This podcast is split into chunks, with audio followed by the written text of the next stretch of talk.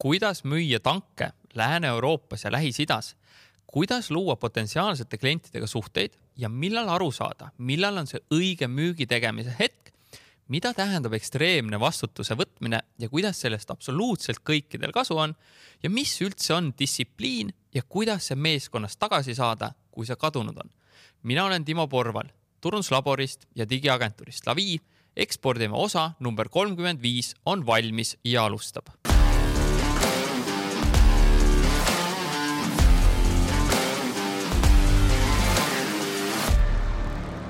enne veel, kui läheme saate juurde, siis tule otsi Facebookist üles grupp Ekspordime ning tule sinna liikmeks, siis sa saad alati teada, kui uus osa ilmub. ja kui sa kuulad täna seda podcast'i, siis tea, et tegelikult on olemas Youtube'is ka videod, otsi sealt üles Ekspordime Youtube'i kanal, vajuta subscribe ja saad samuti alati teada, kui uus osa on väljas. Läheme saate juurde täna on külas mees, kes mängis gümnaasiumis nii tublit pokkerit, et teenis sellega viissada tuhat krooni. vanemad teadsid muidugi, et ta sel ajal on piljardisaalides. kokku on ta pokkeri alla pannud kuus tuhat tundi.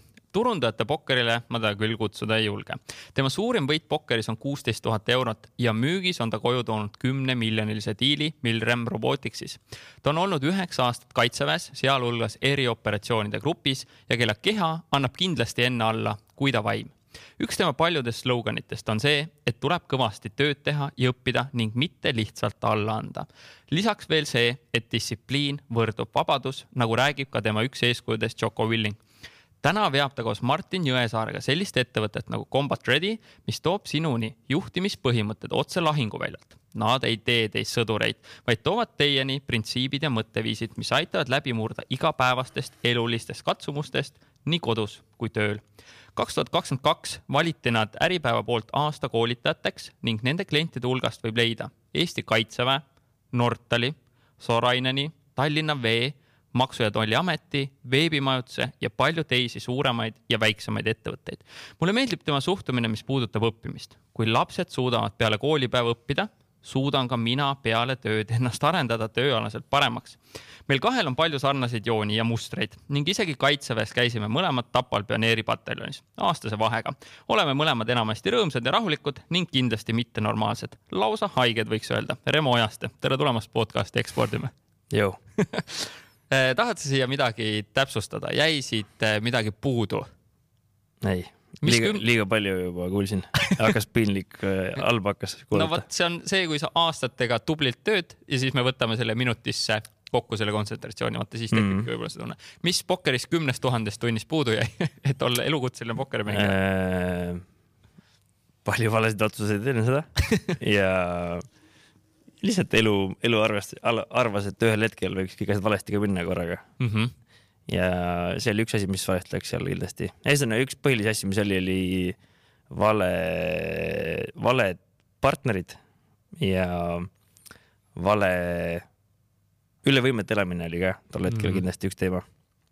aga mis põhiliselt ära jäi, oli see, et eh, pokkeriga, pokkeris on hästi palju tõuse mõõnasid ja kui sa tahad eh, nii-öelda elamisväärset, eh, kui sa ei ole nii-öelda vaba ja vallaline ja ei ela kuskil ühikas nagu, siis ja sul on päriselt kulud siis on suht keeruline nagu seda stabiilset sissetulekut saada.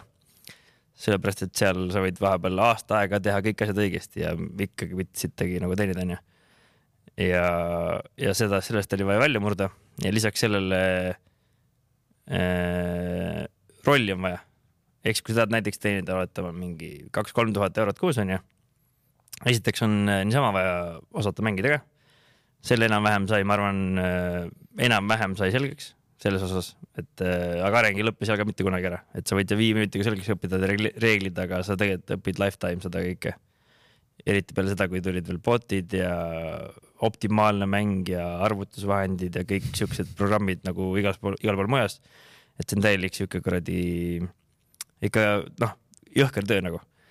aga mis puudu lõpuks oligi, ma arvan, see, et äh, elu lihtsalt muutus nii kardinaalselt ja äh, ja lihtsalt oli vaja shift ida. et kui sa tahadki kolm tuhat teenida näiteks kuus, võtame näiteks lambist, siis sul peab olema vähemalt äh, minimaalselt viiskümmend tuhat pangas, minimaalselt töövahendeid mm. -hmm. ja normaalsel juhul isegi võiks olla see sada tuhat. aga see on miinimum, et üle elada need tõususid ja mõõnasid nagu korralik värk see on ikka normaalne jah mm mm. -hmm. ehk siis kõik, kes on pokkerist ära läinud mingisugusesse investeerimisse, siis need ütlevad, et see on ikka lebots. sest et seal ei ole nagu tõususumõõnasid, sest see variatsioon lihtsalt on nii ränk nagu, mm. -hmm. ränk variatsioon vist millega sa praegu igapäevaselt tegeled? mis su päevad sisaldavad? äh,. mida nad ei sisaldaks no põhi, põhirõhk äh, sada protsenti nii-öelda professionaalselt äh, läheb äh, combat ready alla ja, aga üldiselt koosneb minu elu põhimõtteliselt neljast asjast vist. üks on wellness on ju, kuidas ma üldse olen, nii vaimselt, füüsiliselt kui ka igast, mis iganes selle alla kuulub, onju. ka näiteks negatiivsed inimesed ja kõik siuksed asjad, mida ma olen nagu hinnanud enda jaoks, siis enda areng isiklik ja siis eh, professionaalne areng. ja siis neljas aspekt on suhted lihtsalt. Ja need ongi neli põhilist kategooriat põhimõtteliselt, mida ma, millest mu elu koosneb. ja neid kõiki ma võrdlen siis sellega, kas ma olen õnnelik, kas ma tunnen ennast õnnelikuna täna, kas ma tegin täna piisavalt tööd, nii nagu meil üks instruktor kunagi ütles, et päeva lõpuks peab olema sihuke tunne, nagu sa oleksid tühjaks pigistatud sidrun, sest siis tuleb hea uni ja tuleb, tuleb. ja, ja kolmas on ka finantsiline pool, et kui nendest kolmest alumisest, mis ma ütlesin just, et on midagi valesti, siis ma lähen nende eelmiste kategooriate juurde ja vaatan, mis täna teistmoodi on. mida ma tegelen valesti, kas ma ei veeda piisavalt aega tütrega, kas ma ei arenda ennast piisavalt palju, kas ma ei ole rahul sellega, mis ma töö juures teen eh, või on mingi tervislik probleem üldse. ja jah, siis see kuskilt seal keskelt kõik tuleb nagu. mm. -hmm. Sa olid eh, kolm aastat Milremis kaitsetööstuses, kuidas sa sinna üldse jõudsid ja mis sa seal tegema hakkasid? ja vaata, see oligi sellega seoses, et äh, ühel hetkel oli see Endeks mul selle pokriga ja ühesõnaga seal juhtus palju asju. et äh, ühel hetkel läksid ka asjad valesti elus, nii personaalses elus, professionaalses elus äh,, valed partnerid äh,, ehk siis oli sihuke hetk, kus oli, no alustasin seda journey't mingisuguse pluss, ma ei tea, mis iganes, nelikümmend tuhat või mis iganes, siis selleks hetkeks ma olin jõudnud sinna miinus äh, neljakümne juurde. siis äh, läksin äh, naisest lahku samal ajal, siis mul oli kontol vist viis sotti või midagi sarnast. noh, mingi sihuke summa, suvaline number. siis oli vaja uus korter leida, kus mitte mina ei saaks elada, vaid kus saaks elada laps on ju veel. ja, ja see oli siukene põnev aeg oli, siukene mõnus auk, sest et sinnamaani elus mul alati läinud niimoodi, et see, mida ma valisin, see, mida ma tegin, seda ma ka sain ja nüüd oli, kõik asjad läksid valesti korraga. ehk siis oli hästi, hästi lahe, mulle meeldis see, sest et see võttis, see, see surus mind tagasi äh, nii-öelda tahvli ette. ehk siis, ja siis ma pidin vaatama, okei okay, äh,, kuidas edasi vaata ja siis ma võtsingi rahulikult jälle Extreme Ownership'i piibli võtsin kätte jälle. vaatasin, kurat, nii Extreme Ownership ja siis hakkasin vaikselt minema. ja ja siis oligi see, et ma mõtlesingi, mida ma tegema hakkan, ma tahtsin, mõtlesin, et kas ma lähen hakkan toitu küpsetama kuskil. käisin äh, isegi intervjuul Tartus on mingisugune võileivakohvik või mida iganes, ma ei mäleta, palju seal maksta lubati, viissada eurot vist. et lähen äh, viskan siis võileibu kokku, mitte sellepärast, et äh, et see, et mul seda viit sotti vähe oleks olnud nagu konkreetselt, vaid sellepärast pigem, et äh, ma mõtlesin, et vahet ei ole, kuskohast ma alustan, mingi kolme päevaga olen juba järgmises rollis sealsamas ettevõttes. et ma olen nii enesekindel oma oskustes justkui või mida iganes nagu, noh, ilmselgelt üle enesekindel ka, aga sinna ma lõpuks ei läinud, sest et samal ajal ma, oli kaks suunda, kas siis toitlustusmaailm, mis mind alati oli nagu tõmmanud või siis niisama ärimaailm, millest ma tegelikult mitte midagi ei teadnud ja, ja siis ma võtsingi oma vana tausta põhjal, et noh, et sõjaväes ma olen käinud, et kaitsetööstus justkui oleks teoreetiliselt mingi äge koht ja siis võtsin selle kaitsetööstus, mingi association on Eesti leht, kus kõik need ettevõtted on välja toodud, siis ma avastasin, et neid on päris palju. ja siis hakkasin ülevalt pihta saatma CV-sid suvaliselt. keegi midagi otsinud mind ja siis teine koht, kuhu ma saatsin, oli Milrem. ja siis sealt minu üllatuseks eh, vastas mulle üks vana töökaaslane et kuule, ma tulen tagasi mingi järgmine nädal, et tule esmaspäeval läbi. ja siis, kui ma esmaspäeval sinna läksin, siis mulle öeldi, mis ma tegema hakkan. nii et ma ei, ma ei ole kunagi ühelgi tööintervjuul tegelikult käinud siiamaani veel. et see lihtsalt on nagu siukene olnud, et äh, mul on öelda, mis ma tegema hakkan ja siis, kui ma sinna ära jõudsin juba, siis äh, seal vist teati minu, mind. ja siis sellest juba piisas, et üldse võtta mind, sest ega mul mingit kogemust ei olnud. ja pandigi kohe müüki tegema. mis müüma pidid?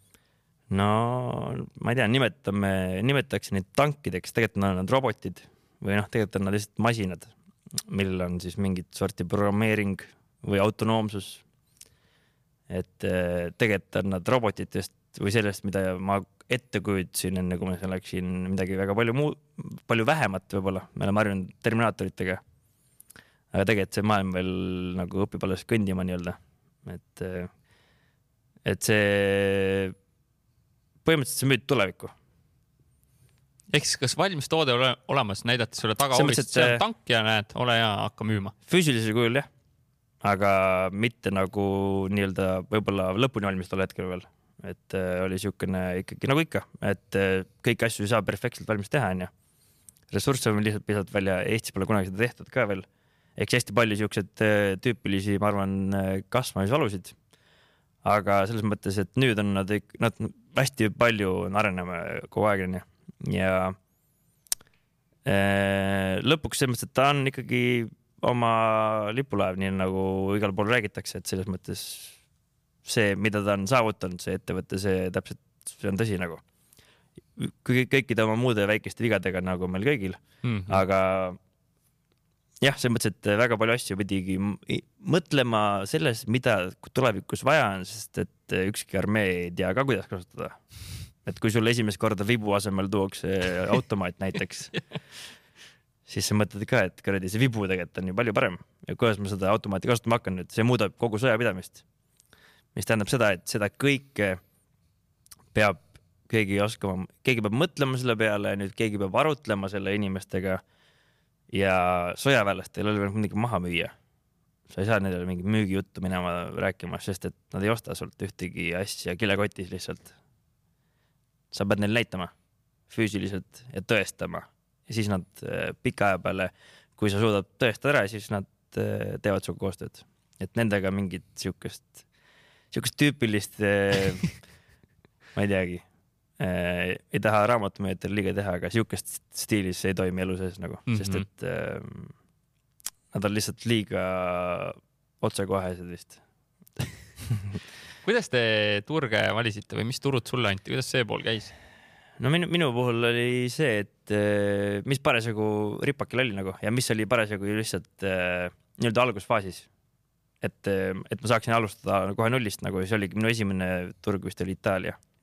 ja kuna meil mingi hetk oli, hakkas neid muutuma nii paljuks, siis me lihtsalt jagasime nad ära, et noh, see oligi nagu siukene kasvamise hetkel. Aga siis mingi hetk oli mul kõik turud ka.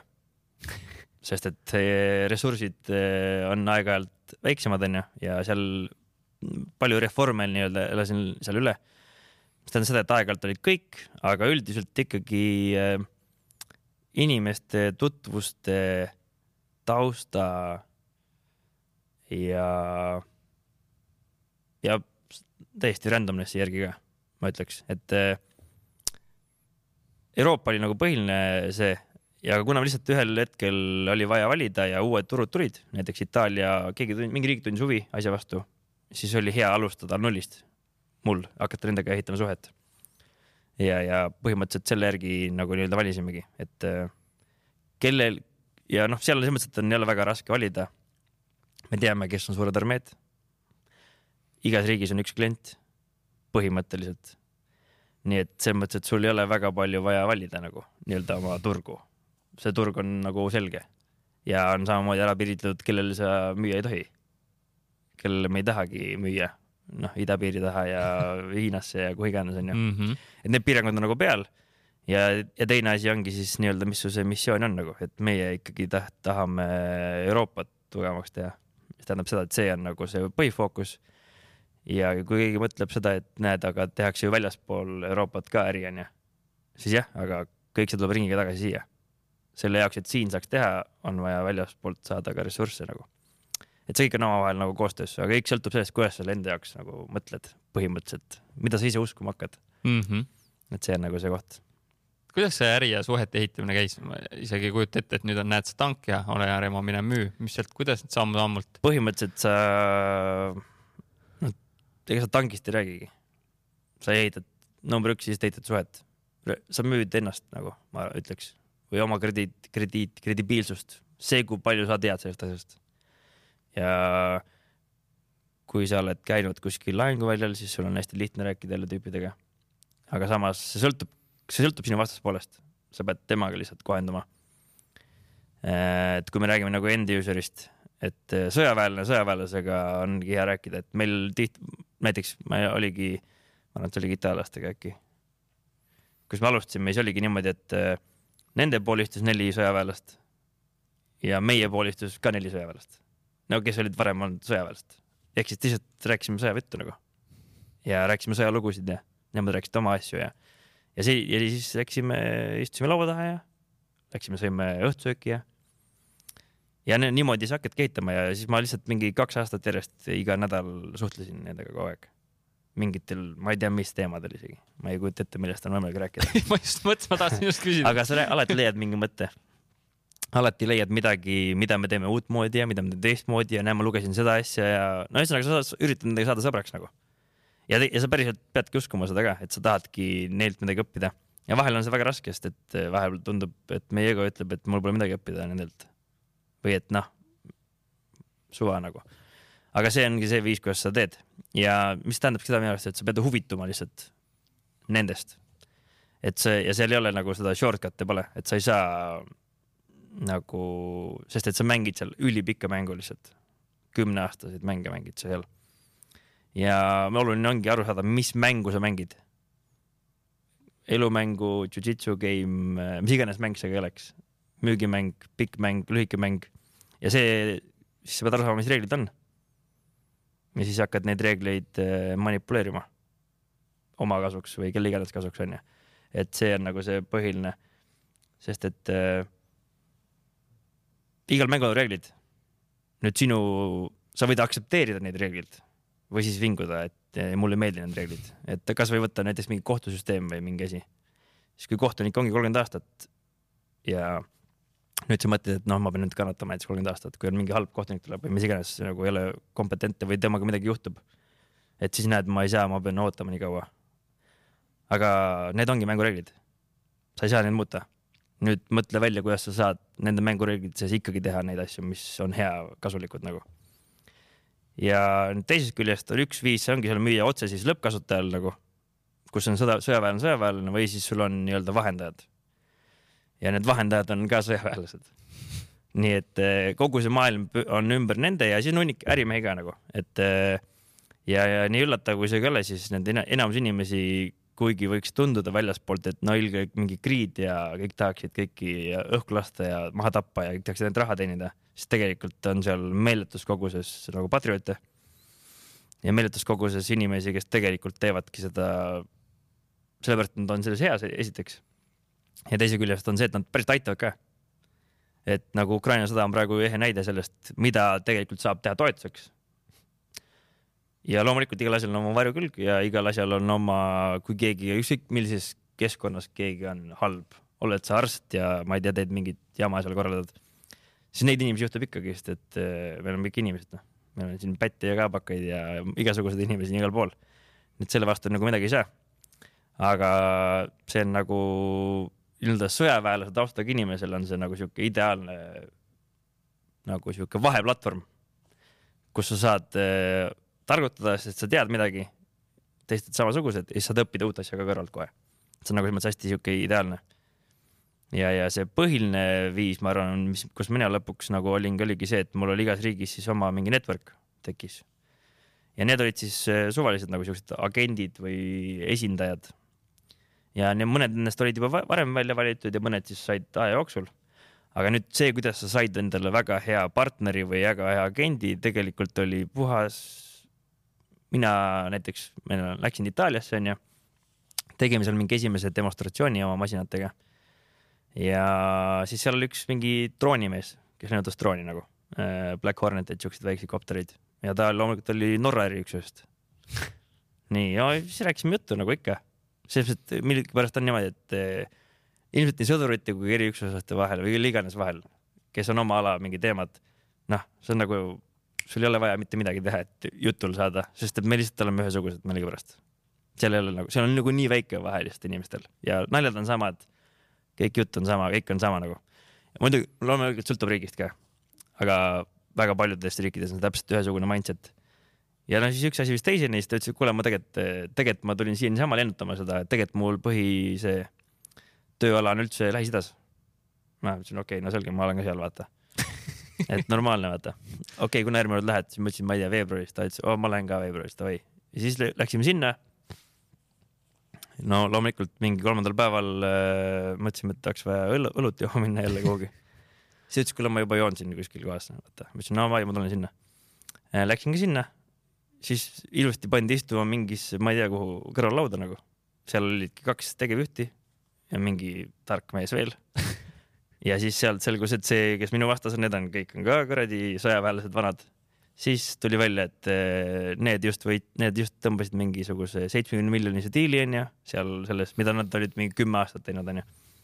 et hästi kaua teinud ja kohe sain aru, et kogenud mehed. selle õhtu jooksul ma ei rääkinud ühtegi sõna, mida ma teen. sest nad ei küsinud. Ja kui keegi küsis, siis järelikult huvita neid. tõsi, väga hea point ja rääkisin ka ainult sellest, mis ma teen, sõja, sõjavärki nagu, mis ma varem teinud olen ja mida iganes võib-olla. ja siis äh, järgmine päev, needsamad tüübid äh, saime uuesti kokku. ja siis nad küsisid, mis sa teed. ja ma ütlesin, näed, kuradi, müün neid äh, tanke onju või roboteid. oh, päris lahe. kuule, tule näita, vaata. ja siis üks tüüp, kelle lauda ma istusin, tema, tema tuli meile vaatama. Vaatas, oh, mul on jumala äge projekt kuskil ma ei tea, Kanadas, mingi Alaskal on vaja mingeid asju vedada seal ja mida iganes seal teha vaja oli, ma ütlesin, no mina ei tea, davai, vaatame. ja siis läks veel paar kuud mööda ja siis ikka jäime suhtlema sellesama tüübiga. ja siis lõpuks äh, ma ei tea, pool aastat hiljem ütles, kuule, me, meil oleks vaja see ära osta. ilma, et nad oleks kordagi seda näinud päriselt, sõitmas, mitte midagi. ja, ja siis me lõpuks viisime selle Saudi üldse ja hakkasime seal asjatama nagu ehk siis kõik needsamad random, kui sa oled siinkohas normaalne vend, räägid juttu, oled samas industry's, siis lõpuks tahavad kõik üksteist aidata ja mis, milles ma lõpuks olin ka väga hea. või noh, mina ei tea, normaalne selles mõttes, et eh, ma nägingi, et kuule, tal on üks asi, mida tal vaja on, sul on teine asi ja ma lihtsalt connect isin neid kokku mm. -hmm. ilma, et ma saaks midagi sellest saaks. ja seda ma tegin kogu aeg, ükskõik mis teema oli, ükskõik kellega. Ja siis, kui seda teed, siis eh, sa näed, sa muutud kasulikuks teistele ka ja, ja siis lõpuks kukuvad sinu sulle ka mingid asjad. ja täpselt nii lihtne see asi ongi, lihtsalt see võtab hästi palju aega mm -hmm. ja sa pead olema selfless. ehk siis sa ei lähe ütlema, et mul on vaja midagi. esimesed, ma ei tea, kui kaua aega. sa alles lähed siis, kui sa oled teda juba aidanud kolm-neli korda. ja siis võib-olla ta tuleb ise ka selle peale, et tahaksid aidata tegelikult, sest sa oled nii palju teinud tema jaoks juba. Et see minu strateegia on alati sest et eh, ma ei ole uskunud seda, et on võimalik nagu ühe trikiga mingi, trikk ei ole noh. jep. et see on nagu see teema, jah. Kuidas olla alati õigel ajal õiges kohas ja kohtuda õigete inimestega, sul on mingi kõhutunne selle jaoks või mingi skill? Eh, või kas need on juhused olnud? ei, on, on mõlemat, täiesti mõlemat, aga mina ei tea, ma arvan, et eh, noh, see on seesama ütlus, et kodus midagi ei juhtu, onju ja sellepärast ma olen alati olnud seal, kus ei ole kodus. ehk siis, mis, mis näiteks sealsamas kaitsetööstuses, mis minu, minu trikk on olnud, näiteks kui me võtamegi Eurosatur on üks ka nädalajane pikkune sihuke, nädal aega kestab äh, sihuke kaitsetööstusmess onju. siis äh, no minu sihuke rekord või ma ei tea, rekord, mis siis on, ühesõnaga selle ühe nädala jooksul ma magasin viisteist tundi nagu et selles mõttes, et ja mida see tähendab, ongi see, et you get after it ja kui õhtul läheb keegi partner välja või kuhugi läheb, siis sina lähed ka. sest et selle sõjaväelase eelised on nii vähe magamisega hakkama saada. sest sellepärast ma ju sinna läksingi, ma läksin sinna tööle, et kui ma praegu ära ei kasuta neid võimalusi, siis mille, miks ma siin olen nagu. või noh, noh, see on minu nagu loogika olnud, loomulikult see, see tuleb millegi arvelt ilmselgelt, nädalavahetusel ma olen pärast surnud kodus onju.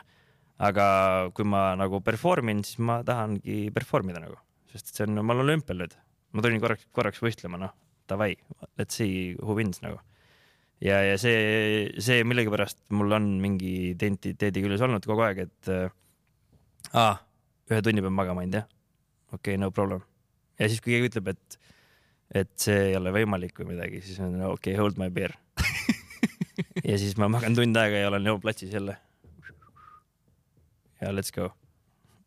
et äh, jah, et see nagu see ongi ja kui sa nüüd võtadki, kui palju võimalusi ma olen maha maganud või ma pole neid näinud, ma arvan, et sada, sada korda rohkem. aga lihtsalt ma olengi igal pool olnud. ja kui sa oled igal pool, siis sa saad vahet, vahet nii-öelda kogemata juba satud päris paljudesse kohtadesse. ja nüüd, kui sa juba seal oled ja sa oled nii palju harjutanud ja sul on ka väga hea taustatreening olnud äh,, kuidas üldse see inimesed nii-öelda töötavad, ka ma ei tea, luuremaailmas või kus iganes, onju siis oskad paigutada, et kui võime lihtsa näite võtta, tegelikult on kõik loogikapõhine. näiteks kui seal on lava onju ja sa vaatad, lähed sinna ruumi, vaatad, siin on koridor, kust saab välja lava pealt. siin on keskmine koridor ja seal on keskmine koridor. ja need on ainukesed kolm kohta, kus saab lava pealt maha tulla. järelikult ma pean panema ennast ühte neist koridori kor,, nendesse koridoridesse, kui ma tahan, et sina näeksid minu, mind vähemalt esimese seemnena, et sa oled mu, mu nägu näinud üldse nii et see, kui me kohtusime, see ei olnud juhus, jah? ei, see oli. oli jah? lihtsalt see story sellest tagakuulajale on see, et yeah. lihtsalt Remo seisis ühel hetkel mu selja taga, kui ma olin ise pidamas lavale astuma, siis pandi mikrid külge, siis tundub, ütles, et tundub tähtis mees ja pärast seda me tegelikult jäimegi suhtlema yeah.. Yeah. et selles mõttes see oli nagu random, selles mõttes, et ma ei teadnud nagu, kes sa oled üldse, ma ei tea -hmm. midagi. ja, aga ma täpselt niimoodi, nagu ma ütlesin, niimoodi ma mõtlesingi sest ma vaatasin, sa rääkisid juttu, vaatasin, no ilmselgelt libe keel siin on, paistab. järelikult ta midagi jagab, oh, talle anti mikker kätte, järelikult nii mm, -hmm. mis ma nüüd teen kuidagi ma pean oma seemne istutama. täpselt. ja niimoodi oligi mm. -hmm. ja nii, nii lihtne see nagu oligi. aga see samamoodi ongi jah, et sa paned ennast õigesse koridori. aga siis iga, iga venue on erinev nagu. ja siis küsimus on, kas sa oskad neid vaadata või mitte. kas sa julged sinna ennast panna. Ja ka see ja, ja ka seal ma mängin pikka mängu nagu. et eh, võib, ehk siis esimene kord, kui me läksimegi nii-öelda Combat Rediga, läksimegi startup teile et selle idee oligi see, et eh, noh, kes meid teab nagu, mitte keegi ei tea meid, et eh, lähme sinna ja lihtsalt räägime inimestega juttu. et vähemalt neile jääb meelde, et näed, habe, mul tol veel pats ka, et küll me meelde jääme. näeme, näeme niikuinii imelikud välja teistmoodi. Ja, ja, siis, kui sa ütled veel sõna, mingi märksõna tank või märksõna mingi eriüksus või midagi, siis on noh, siis on veel lihtsam meelde jääda. ja see on kõik, mida sa tahad, teha esimene kord. sa ei tahagi neile midagi müüa, sest ma ei tahagi kedagi midagi müüa. ma lihtsalt usun sedasi, mis ma teen nagu ja ma arvan, et see on väärtuslik. ja sellepärast mulle tegelikult üldse ei meeldi, meil on hästi palju olnud neid äh, debate'e ettevõtte sees, et mismoodi peaks ikka tegema seda turundust, et oleks ikka maksimaalne kõik see, et saaks ära kasutatud. et paneme, paneme siia taimeri tiksuma ja paneme mida iganes, vaata. ja mul on alati olnud see nagu et ei taha seda nagu siukest survet, no mis iganes seda tunnet nagu tekitadagi, et äh, sest ma olen alati teistmoodi nagu smooth operator, et kui me teeme asju õigesti, siis see info jõuab sinna, kuhu vaja. Ja me ei pea nagu selle jaoks punnitama. me peame kõvasti tööd tegema, aga me ei pea nagu igat, ma ei tea, igat, me ei pea maksimaliseerima kõiki asju, kus ei ole vaja maksimaliseerida, et äh, hoiame oma väärtust kõrgel, teeme kvaliteeti. ja kui me teeme nii palju tööd, nagu me teeme, siis doesn't matter. Kuidas, rääkisid korra messidest, kuidas sina messideks valmistud, mida soovitad teha selle jaoks? lisaks sellele, et käia erioperatsioonide grupis ja harjutada mitte magamist. maks tuleb valmis panna ja see sõltub äh, nagu sellest, mida mina olen teinud, ma olen hästi palju erinevat, erinevat moodi teinud seda äh,. aga noh, põhiline on äh, ma ei tea, mindset tuleb valmis panna, kui sul võimalik on, võimalik on kohtumisi ette valmistada, loomulikult väga hea, aga see sõltub kõik sellest keskkonnast. Et kui me võtame näiteks Lähis-Ida, siis seal ei ole vahet, kas sa paned midagi kirja endale, keegi kohale ei tule niikuinii. sest et seal on aja, aja arvamine teistmoodi. seal ei ole niimoodi, et sul on schedule on täis, nii nagu Euroopas on pumm-pumm-pumm, kohtumine, kohtumine, kohtumine, kohtumine. kui sa seda, sa üritad seal teha nagu, siis sa fail'id, sest et kedagi kedagi ei huvita sinu aeg ehk siis sa pead koha peal minema, ütlema, sebima, nüüd lähme, nüüd teeme. ehk siis seal on hästi niisugune kiire suhtlemine võib-olla. Kui sul ei ole mingeid pikaajalisi partnereid juba. aga kokkuvõttes no ettevalmistus on nagu igaks asjaks ettevalmistamine. ma analüüsin oma probleemi. mõtle, kuidas seda võimalikult lihtsalt teha. ürita võimalikult palju asju ära hajutada, kaasa teisi inimesi, ära mõtle, et sa tead kõiki vastuseid. ehk siis teiste perspektiivi vaja aru saada. ja, ja mis kõige tähtsam, siis kui sa lõpuks sinna kohale jõuad, kõige tähtsam on see, et vahet ei ole, mida sa planeerid. kui sa lähed sinna koha peale, siis midagi on valesti läinud juba kohe eos. ehk siis ükski plaan ei, vahet ei ole, kas sa planeerid nädal aega, tund aega või mitte üldse, oluline on, et sul oleksid need DTP-d või tegevuskavad valmis seal kohapeal tegutsema. sest sul kohapeal juhtub hästi palju standardseid asju. aa, inimene tuleb booth'i. aa, ma pean minema uue inimesega rääkima. ma pean minema koosoleku korraldama mingitel tüüpidel, siis on hästi palju siukseid standardseid tegevusi. Minu arust on palju olulisem on osata neid asju teha, kui see, et sul on mingi hull plaan. sest kui lähed sinna, plaan läheb kohe valesti esiteks, siis sul tuleb kohe ootamatuseid, sa ei tea, mis tuleb, mingisugune UK, ma ei tea, kindral tuleb sinu booth'i, vaata. okei okay,, selge, mis ma nüüd teen. eks sul muutub kogu aeg olukord nii palju, et sul on täpselt nii nagu lahinguväljal. sul on vaja lihtsalt olla valmis kõikideks nendeks väikesteks asjadeks, et eh, kui keegi ütleb, et eh, esimene korrus, uksest sisse, võtke ära, siis sa ei pea rohkem küsima, mis see esimene korrus tähendab, mis uksest sisse ma pean minema, eks ma tean täpselt, kuidas seda Mhm. teha. ehk siis see on pigem see, mis on oluline ja kõik ülejäänud on puhtalt paindlikkus lihtsalt. sa võtad selle ühe tüki, paned uude kohta, sealt võtad ära, paned tagasi ja niimoodi kogu aeg paned ehk siis tegelikult öö, otsest ettevalmistust, kui sa oled piisavalt palju treeninud neid väikseid osasid, siis sul ei olegi vaja. sa saad minna ja tõmmata puustalt, aga selle jaoks võtab hästi palju aega ennem ja see tuleb lihtsalt ajaga. esimene kord on niikuinii kaos, vahet ei ole. ja isegi viimane kord, kui sa lähed, sa võid teha ideaalse plaani. plaan läheb kohe valesti siis, kui esimene kuul peale lendab või sa saad vastu hambaid või mis iganes juhtub. kuidas sa oma mindset'i valmis paned messideks? mis see sinu jaoks ma ei tähendab? tea, ma ei panegi. ma lihtsalt olengi, tuleb tööle minna noh. Mhm. et see, selles mõttes, et see ongi nagu, no ma ei tea, see on nagu, see on nagu mingis mõttes nagu võistlus või? nagu see on see nagu olümpia. Et ma olen ju selle jaoks valmistunud. ja kusjuures, mis on naljakas, on see, et sellel kaitsetööstus, sellel olümpial nii-öelda, ega sa seal mitte ühtegi diili ja purki ei tõmba. seal sa kas tutvud inimestega, esimese connection'i, saad nendega viis minutit rääkida. ehk siis seal saad mingi seemned saad võib-olla istutada ja siis õhtul on võimalus sul mingisuguste partneritega minna ja arendada suhteid. sest see on lihtsalt see koht, kus kõik tulevad kokku ühel ajal. Aga tegelikult sul ei ole mitte ühtegi probleemi mitte ühelgi teisel ajal minna ükskõik millisesse riiki ja seal juba minna rääkida asjast sinuga. sest et sa tead, kes su klient on, sa tead, mis ta teeb. et see nagu see messide dünaamika ilmselt on teistsugune. et kui sa just ei müü seal mingeid klokke või relvasid väikseid, vaata et see on täiesti, ma arvan, teistsugune dünaamika, kui olla mingi, ma ei kujuta ette, mingi raamatumessil või mm. -hmm. et igaüks tuleb, ostab oma raamatu, seal ei ole niimoodi. Et seal on kõik asjad on kas ära tehtud ja seal pannakse allkirja, et näed, nüüd tegime miljardi diili. aga see kõik oli mingi eelmise viie aasta töö nagu, siis üks koht, kus saab announce ida seda nagu. et tegelikult on see siukene marketing effort on ta rohkem kui midagi muud tegelikult. kuidas sa neid uusi tutvusi haldad, noh, samas sa saad seal õhtu jooksul mingid kümnete inimestega võib-olla tuttavaks. mis mm. -hmm. kuidas sa need nagu enda jaoks, nii et sa pärast ka mäletad, et kui maks on oma koormuse ära saanud, et põhiline on see, et äh, kui ma tegin oma tööd hästi, siis ma ei peagi haldama neid. ehk siis nad nad ütlevad ise, ma võtan ühendust. ehk kui mina tegin piisavalt head tööd, siis nad võtavad minuga ühendust ja siis mul on kontakt, no siis ma viskan CRM-i noh, et äh, me kasutasime samamoodi CRM-i. ja, aga teine asi on see, et sul on, sul ei ole nagu neid äh, sul ei ole vajagi neid tühjasid kontakte, noh, mingis mõttes nagu mm. -hmm. kõik, kellega sa oled, oled semmuks saad, sul on number olemas. ja, ja ma ei tea, mul on nagu kuidagi see aju lõikab ka selles osas vähemalt hästi kiiresti, et eh, ma ei tea, mul jäävad meelde mingisugused olulised kontaktid vähemalt.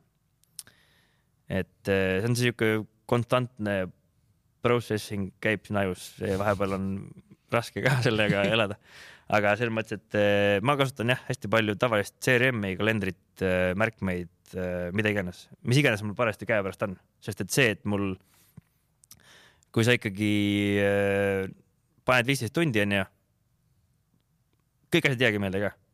aga kui sa teed oma tööd hästi, siis sinuga võetakse, võetakse ühendust ise. sa ei pea muretsema selle pärast. ja kui sa, kui sinuga oli äge väljas eh, pummeldada või mida iganes teha, siis ma räägin, sa jääd meelde lihtsalt ja sellest piisabki. ja pärast haldamine, see ongi see, mis mul teha ei meeldi niikuinii. aga selles mõttes, et see on CRM ikka, mingit, mingit muud seal ei ole, et see on ainukene hea tööriist minu arvates, mis leiutada on. selleks see ongi selle jaoks mõeldud. et hoida nagu infot lihtsalt eh, mingisuguses korras. aga kui sa mõtledki nagu seal kohapeal selle aja käigus, siis see ongi kaos. ja seal on võimalik väga palju teha, kui sul on hea tiim. Sest et eh, me võime ju minna kolmekesi, neljakesi ühele kohtumisele ja igalühel ongi oma roll, nii nagu sul jaos on, et üks loeb samme, üks vaatab kompassi, teine, ma ei tea, vaatab vasakule ja paremale. siis on samamoodi, üks kirjutab nõute, üks mõtleb, mida ta teine, mida ta, mida ta ei räägi meile praegu. midagi on valesti. ehk siis see ongi tema ülesanne näiteks. ja kolmanda ülesanne on, ma ei tea, lihtsalt olla detached. Ja üldse kuulata, vaadata, mida need teised inimesed mõtlevad. saada aru, kes on key stakeholder'id, kuidas nende omavahelised suhted on. ehk selles mõttes, et see on hästi, seal saab minna meeletult detaili nagu selle maailmaga ja, ja kuna sa, kui sa oled seda ka harjutanud, siis sul tuleb asjad veel lihtsamalt välja. aga see on nagu sihuke, no see on ikka väga detaili minek, sellest ma ma arvan, et see on pikem jutt, kuidas äh, mingit kohtumist üldse ette seada, et äh, ja kuni selleni välja, et kui me läheme praegu välja, onju, siis mismoodi hea suhe välja näeb, on see, kui me siit baarist liigume edasi kuhugi. ja nüüd see, kuhu me edasi liigume, sõltub sellest, et mis oli minu hinnang sellele, millist tüüpi inimene sa oled ja siis on ju vaadatud järgmised kümme kohta välja, mis sobiksid sulle või sinusugusele inimesele. ja siis kuni selleni välja, et saadame sind hotelli ka ära, et sinuga midagi juhtuks. Sest et me tahame, et sinu Eestis viibitud aeg oleks ideaalne. et sinuga juhtuks midagi, et keegi sõidaks mööda ja laseks kuskil kuuli ja sul oleks halb meel. et sa ei, sul jääb see meelde, et sa tahad, et sul jääks väga hea meel sellest asjast. ehk seal on nagu meeletu detaile, kuidas saab seda kõike teha, täpselt nii nagu turunduseski, et see Mhm. kõik need, psühholoogia on kõik ikka kokkuvõttes, sest küsimus on see, et mis on sinu motivatsioon, et selle nii juhtimise, müügi, turunduse ja manipuleerimise vahe on, seal on minu arust on üks vahe nagu. mis sa ise arvad, muidu oleks huvitav teada, mis sa arvad, mis on selle manipuleerimise ja juhtimise vahe? mis su eesmärk on? jah, ja absoluutselt, et kui ma päriselt tahan aidata, siis on need kõik okeid tööriistad, mida kasutada. täpselt. siis on mõjutamine, mitte manipuleerimine, ma olen Jah. kuidagi ise nii lähenenud. ja, ja täpselt sama, et äh, sa kasutad sama, samasid vahendeid nagu lihtsalt äh, üks on äh, minu heaks ja teine on meeskonna heaks. ja nii lihtne ongi, et kui, kui mina saan sellest kasu, siis see on manipuleerimine ainult ja see on nagu ilmselgelt tuleb välja ja see haiseb ja see on halb. aga kui ma päriselt teen seda meeskonna jaoks, siis äh, sa kasutad samu vahendeid. aga lihtsalt see on teiste, teistele kasulik nagu. jep, sest lõpuks me mängime ikka pikka mängu, me tahame, et see klient tuleb tagasi uuesti, Jaa. uuesti, et ta saab sõbraks, onju, just me tahame, et ta saaks võimalikult palju kasu noh mm. -hmm. ja me tunneme ju, et me, me, meilt saab mingit Jah. kasu nagu just, ja kui minust saab kasu, siis ma ma ei pea, tegelikult ma ei pea väga palju pingutama nagu ka lõpuks mm. -hmm. selles mõttes, et, et midagi müüa. sest et kui ma, ma räägin kasulikku juttu, ma ise usun seda. ma ise olen, ma ei tea, näen välja natuke edukam, edukas onju. no siis äh, see lõpuks see asi müüb ennast ise nagu, kui sa teed seda pidevalt pikalt aega ja sa just have to last longer. sama, sama on sellega, et kui keegi ütleb kuskil, et äh, äh, mingites riigisüsteemides on vaata inimesed, kes on ühe positsiooni peale kinni pandud nagu, et nad ei saa, peab, peab ära ootama lihtsalt, midagi teha ei ole, midagi teha ei ole. ja siis mõtlen, ma olen kolmkümmend kolm, mul on väga palju aega oodata elus veel, nii et eh, try to, try to last longer than me mm. -hmm. on nagu see viimane strateegia lihtsalt. kui keegi on viiskümmend ja ta on viimased, järgmised viis aastat veel selle koha peal, okay., mul on kakskümmend aastat veel rohkem peale seda, kui sa oled juba ellu läinud, nii et watch me. enne kui me läheme järgmise küsimuse juurde, siis üks paremaid kanaleid, mida eksportimisel kasutada turunduses, on Google Ads, sellepärast et seal olevatel inimestel juba on probleem ja kui sa tuvastad siis sihtturul eh, need märksõnad ära, mida sinu potentsiaalsed kliendid otsivad, siis sa saad sealt üsna soodsa hinnaga kliendid oma veebilehele ja loodetavasti ka ostma. kui sa ise nende teemadega tegeleda ei taha, siis mul on üks soovitus. mul on tuttav Argo Lipp clevermarketing.com'ist, see on kaks siis V-ga, kes täpselt sellistel puhkudel aitab, et ta ei ole tegutsenud ainult Eesti turul, vaid ka Austraalias ja aidanud teisi Eesti ettevõtteid müüa siis äh, laia maailma nende tooteid ja teenuseid. nii et kui sul abi vaja on, siis äh, guugelda Argo Lipp ja Clever Marketing ja kui sa temaga ühendust võtad, siis ütle, et mina ekspordime podcastis soovitasin. nüüd aga lähme võtame küsimused uuesti ette kuidas te välispartnereid eh, siin vastu võtsite, on mingid eh, lood või mingid nõuanded, mis nagu töötasid, mida võib-olla teised ei kasuta?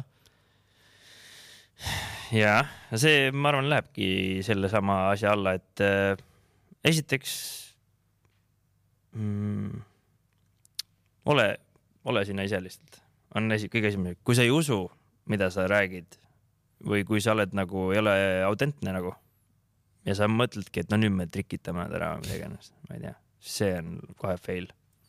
ja saa aru, kes sinu juurde tuleb. ehk siis, kui sinu juurde tulevad mingid härrad, siis äh, ole natuke vähem härra, et nad tunneksid ennast paremini. kui nad on äh,, eks siin hästi palju on neid nippe, no meeletult lihtsalt, ehk siis kui teine räägib halba inglise keelt, siis sa pead ka halvemini rääkima hakkama, mitte oma perfektses inglise keeles ja kui oluline on äh, saada vestlused käima ja inimesed avada, et nad tunneksid, et neil oleks äge. et see kord, kui nad sinuga koos käisid väljas, et see nii ägedat fucking pidu pole kunagi olnud. Või nii ägedaid inimesi pole kunagi olnud. Ja selle peale ei või mitte midagi juhtuma. midagi, midagi erilist, täiesti tavaline jutuajamine, mis teeme, räägime juttu kuskil, aga need jutuajamised olid nii ägedad. Millegipärast, no mis iganes see põhjus oli. ehk siis see on nagu see, ma arvan, põhiline asi, kust see suhe hakkab ehitama ehk sa peadki tekitama nagu usaldust, ehk siis, aga see ongi, see koosneb nagu neljast aspektist mingis mõttes meie arvates. ehk siis algab austusest.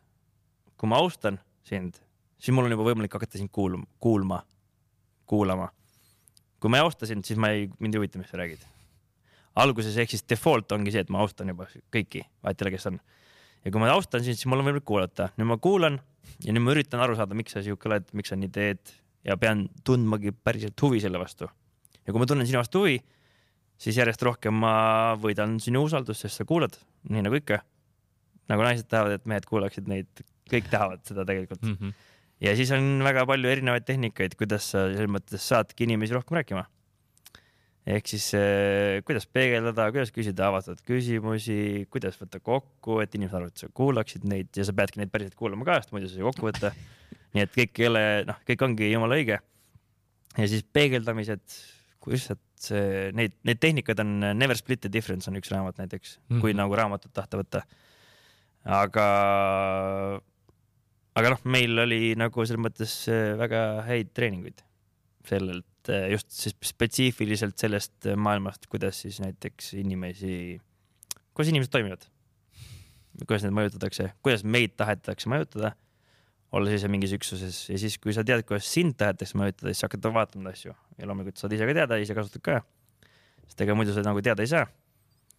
ja, aga jah, neid tehnikaid, väikseid trikke on hästi palju, aga minu arust kõige suurem ongi nagu austa, siis oskad kuulata, kuulad või hakkad usaldust võitma.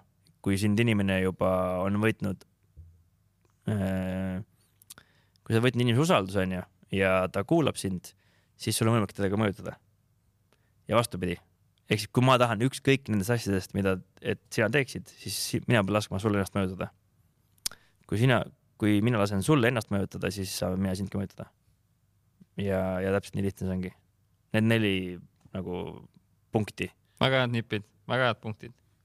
kuidas sa müügimehena, kui võib nii on ju kutsuda mm, -hmm. manageer-, manageeris, manageerisid õigesti siis ostjate ootusi hmm,. ei, see oli ulme, see oli korralik, see on raske. eriti kui sa müüd nagu tulevikku ka, et eh, maailm ei ole nii perfektne onju, asjad ei lähe alati nii, nagu võiks minna ja siis samal on hästi palju siukseid huvisid ja kartusi, sest et eh, noh, kaitsetööstusmaailmas ongi see, et ka, et eh, konkurendid on hästi suured, hästi suured ja neil on hästi palju paindlikkust nagu lubada kokku ja valetada kõiki asju, mis on võimalik. Ja nüüd, kui sina oled nii-öelda, ma ei teagi, nagu ma ei tahaks öelda, et kui sina oled nüüd aus, et siis sa kaotad nagu, aga fakt on see, et sa, sa kaotad ka, kui sa oled täiesti nagu, eks sa pead leidma nagu, sa pead olema nagu jurist, vaata. et sa jätad selle õhu sinna vahele. aga, ja mis on põhiline, on selle juures, et kui sa usud seda, et me tegelikult oleme ka parim klient, sest me oleme ka tihtipeale näiteks, kui me võtamegi suured, suurtööstused ette, siis nemad ei ole kliendisõbralikud, nad ei ole üldse paindlikud. ehk siis nemad ütlevad, aa, teil läks katki asi, okei okay,, sada tuhat ja siis tuleb kaks meest, kes töötavad kaheksast viieni ja kogu lugu. kui meie mehed läksid appi mingisuguste sõduritega koos, onju, siis meile meeldis ka magada voodis ja telgis. me tahtsime ka põllu peale minna mis tähendas seda, et meie hakkasime suhet ehitama kohe ja meie ei küsinud mingit raha. Läksime just sinna, sest tahaks ka põllu peal ja telgis olla ja siis, kui konkurendid läksid minema hotelli, siis meie läksime koos sõduritega telki magama. noh, mõtle ise, millised suhted sa ehitad mm -hmm. ja, ja kust see kõik pihta hakkab. ja sul ongi see paindlikkus, et mida suuremaks korporatsiooniks sa muutud äh, mingis mõttes äh, seda ja mida väiksem on see projekt, seda jumala üks suht suva, suvam neil nagu on ja ma arvan, et see on see nagu see üks vahe seal kindlasti juures äh,. Mis su küsimus täpselt oli? kuidas sa ootusi manageerida müügis? okei okay,, ja ehk siis äh, ehk siis, mis juhtubki tihtipeale, tihtipeale ongi see, et see on nüüd kõige tähtsam, üks kõige tähtsam osa, aga see on ülivalulik. sest et sa pead äh... no me oleme niimoodi, et äh, põlved lähevad marraskile, sa pead põlvitama ja siis äh, tegema erinevaid asju nii-öelda nagu jutumärkides mm -hmm. ja, ja, ja see tegevus on rõve lihtsalt nagu sellepärast, et see ongi ebameeldiv, ehk siis sa justkui nagu vead alt teda, vähemalt minul on siuke tunne kogu aeg. et kui ma, kui me millestki fail ime, siis ma vean alt seda inimest ja mulle ei meeldi alt vedada kedagi. ja, aga see maailm ongi hästi paindlik tegelikult ja see on tegelikult normaalsus.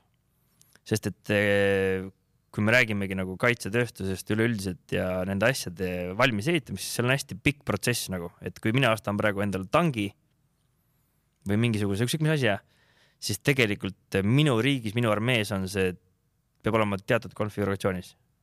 ehk siis kõigil pole vaja ühesugust. mis tähendab seda, et selle jaoks, et seda nüüd sellisesse konfiguratsiooni saada, selle eest kulub võib-olla kolm aastat. ja nüüd sa ongi niisugune pidev areng, et see ei ole niimoodi, tsiviilmaailmas on võib-olla niimoodi rohkem, et eh, sa saad, sa tahad saada seda töötavat iPhone'i nagu.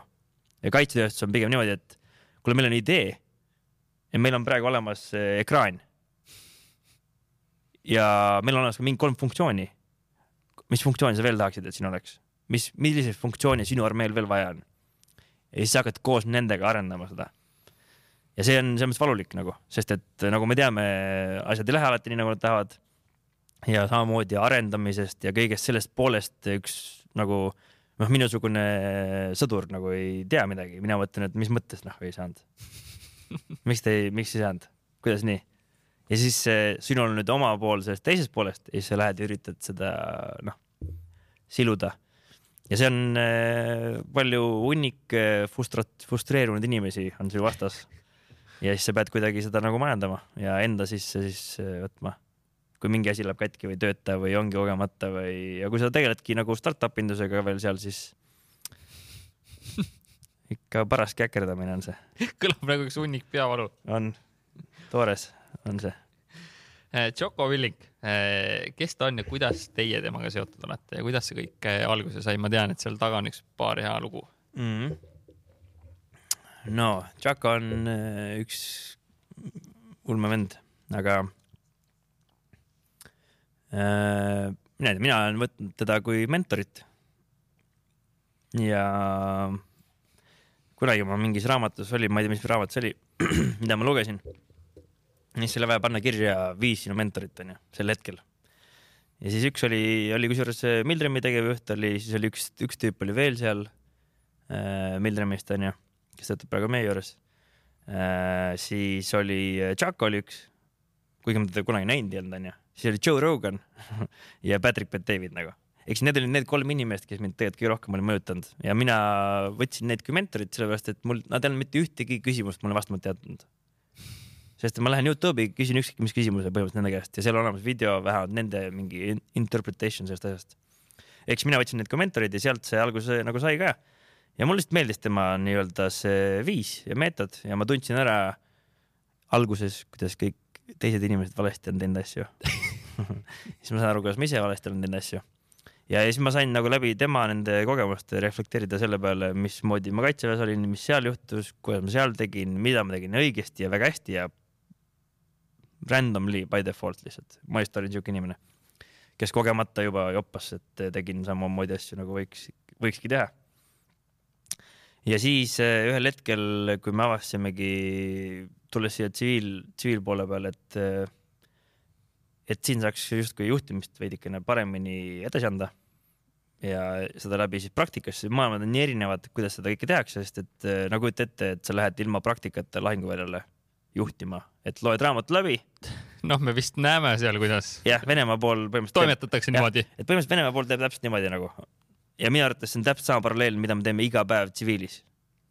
ehk siis lõpetad kooli ära, ülikooli ära. nüüd sa lähed ettevõttesse tööle, siis sõda hakkab pihta, aga ennem seda sul mingit treeningut tegelikult ei ole. ja mida ma mõtlen sellele, et tegelikult ei ole, ma võrdlen seda sellega, mis on, milline see sõjaväes on.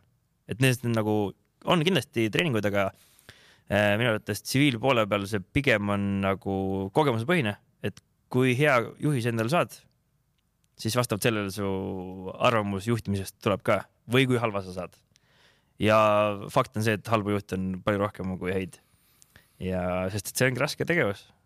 aga nüüd, kui me võtame siuksed väiksemad grupid, kus seda tehakse ja valmistutakse sõjaväe, sõjaväe jaoks, kus on hästi dünaamiline ja keeruline keskkond, stressi on palju, otsuseid pole palju teha, infot pole kunagi, ressursse pole kunagi.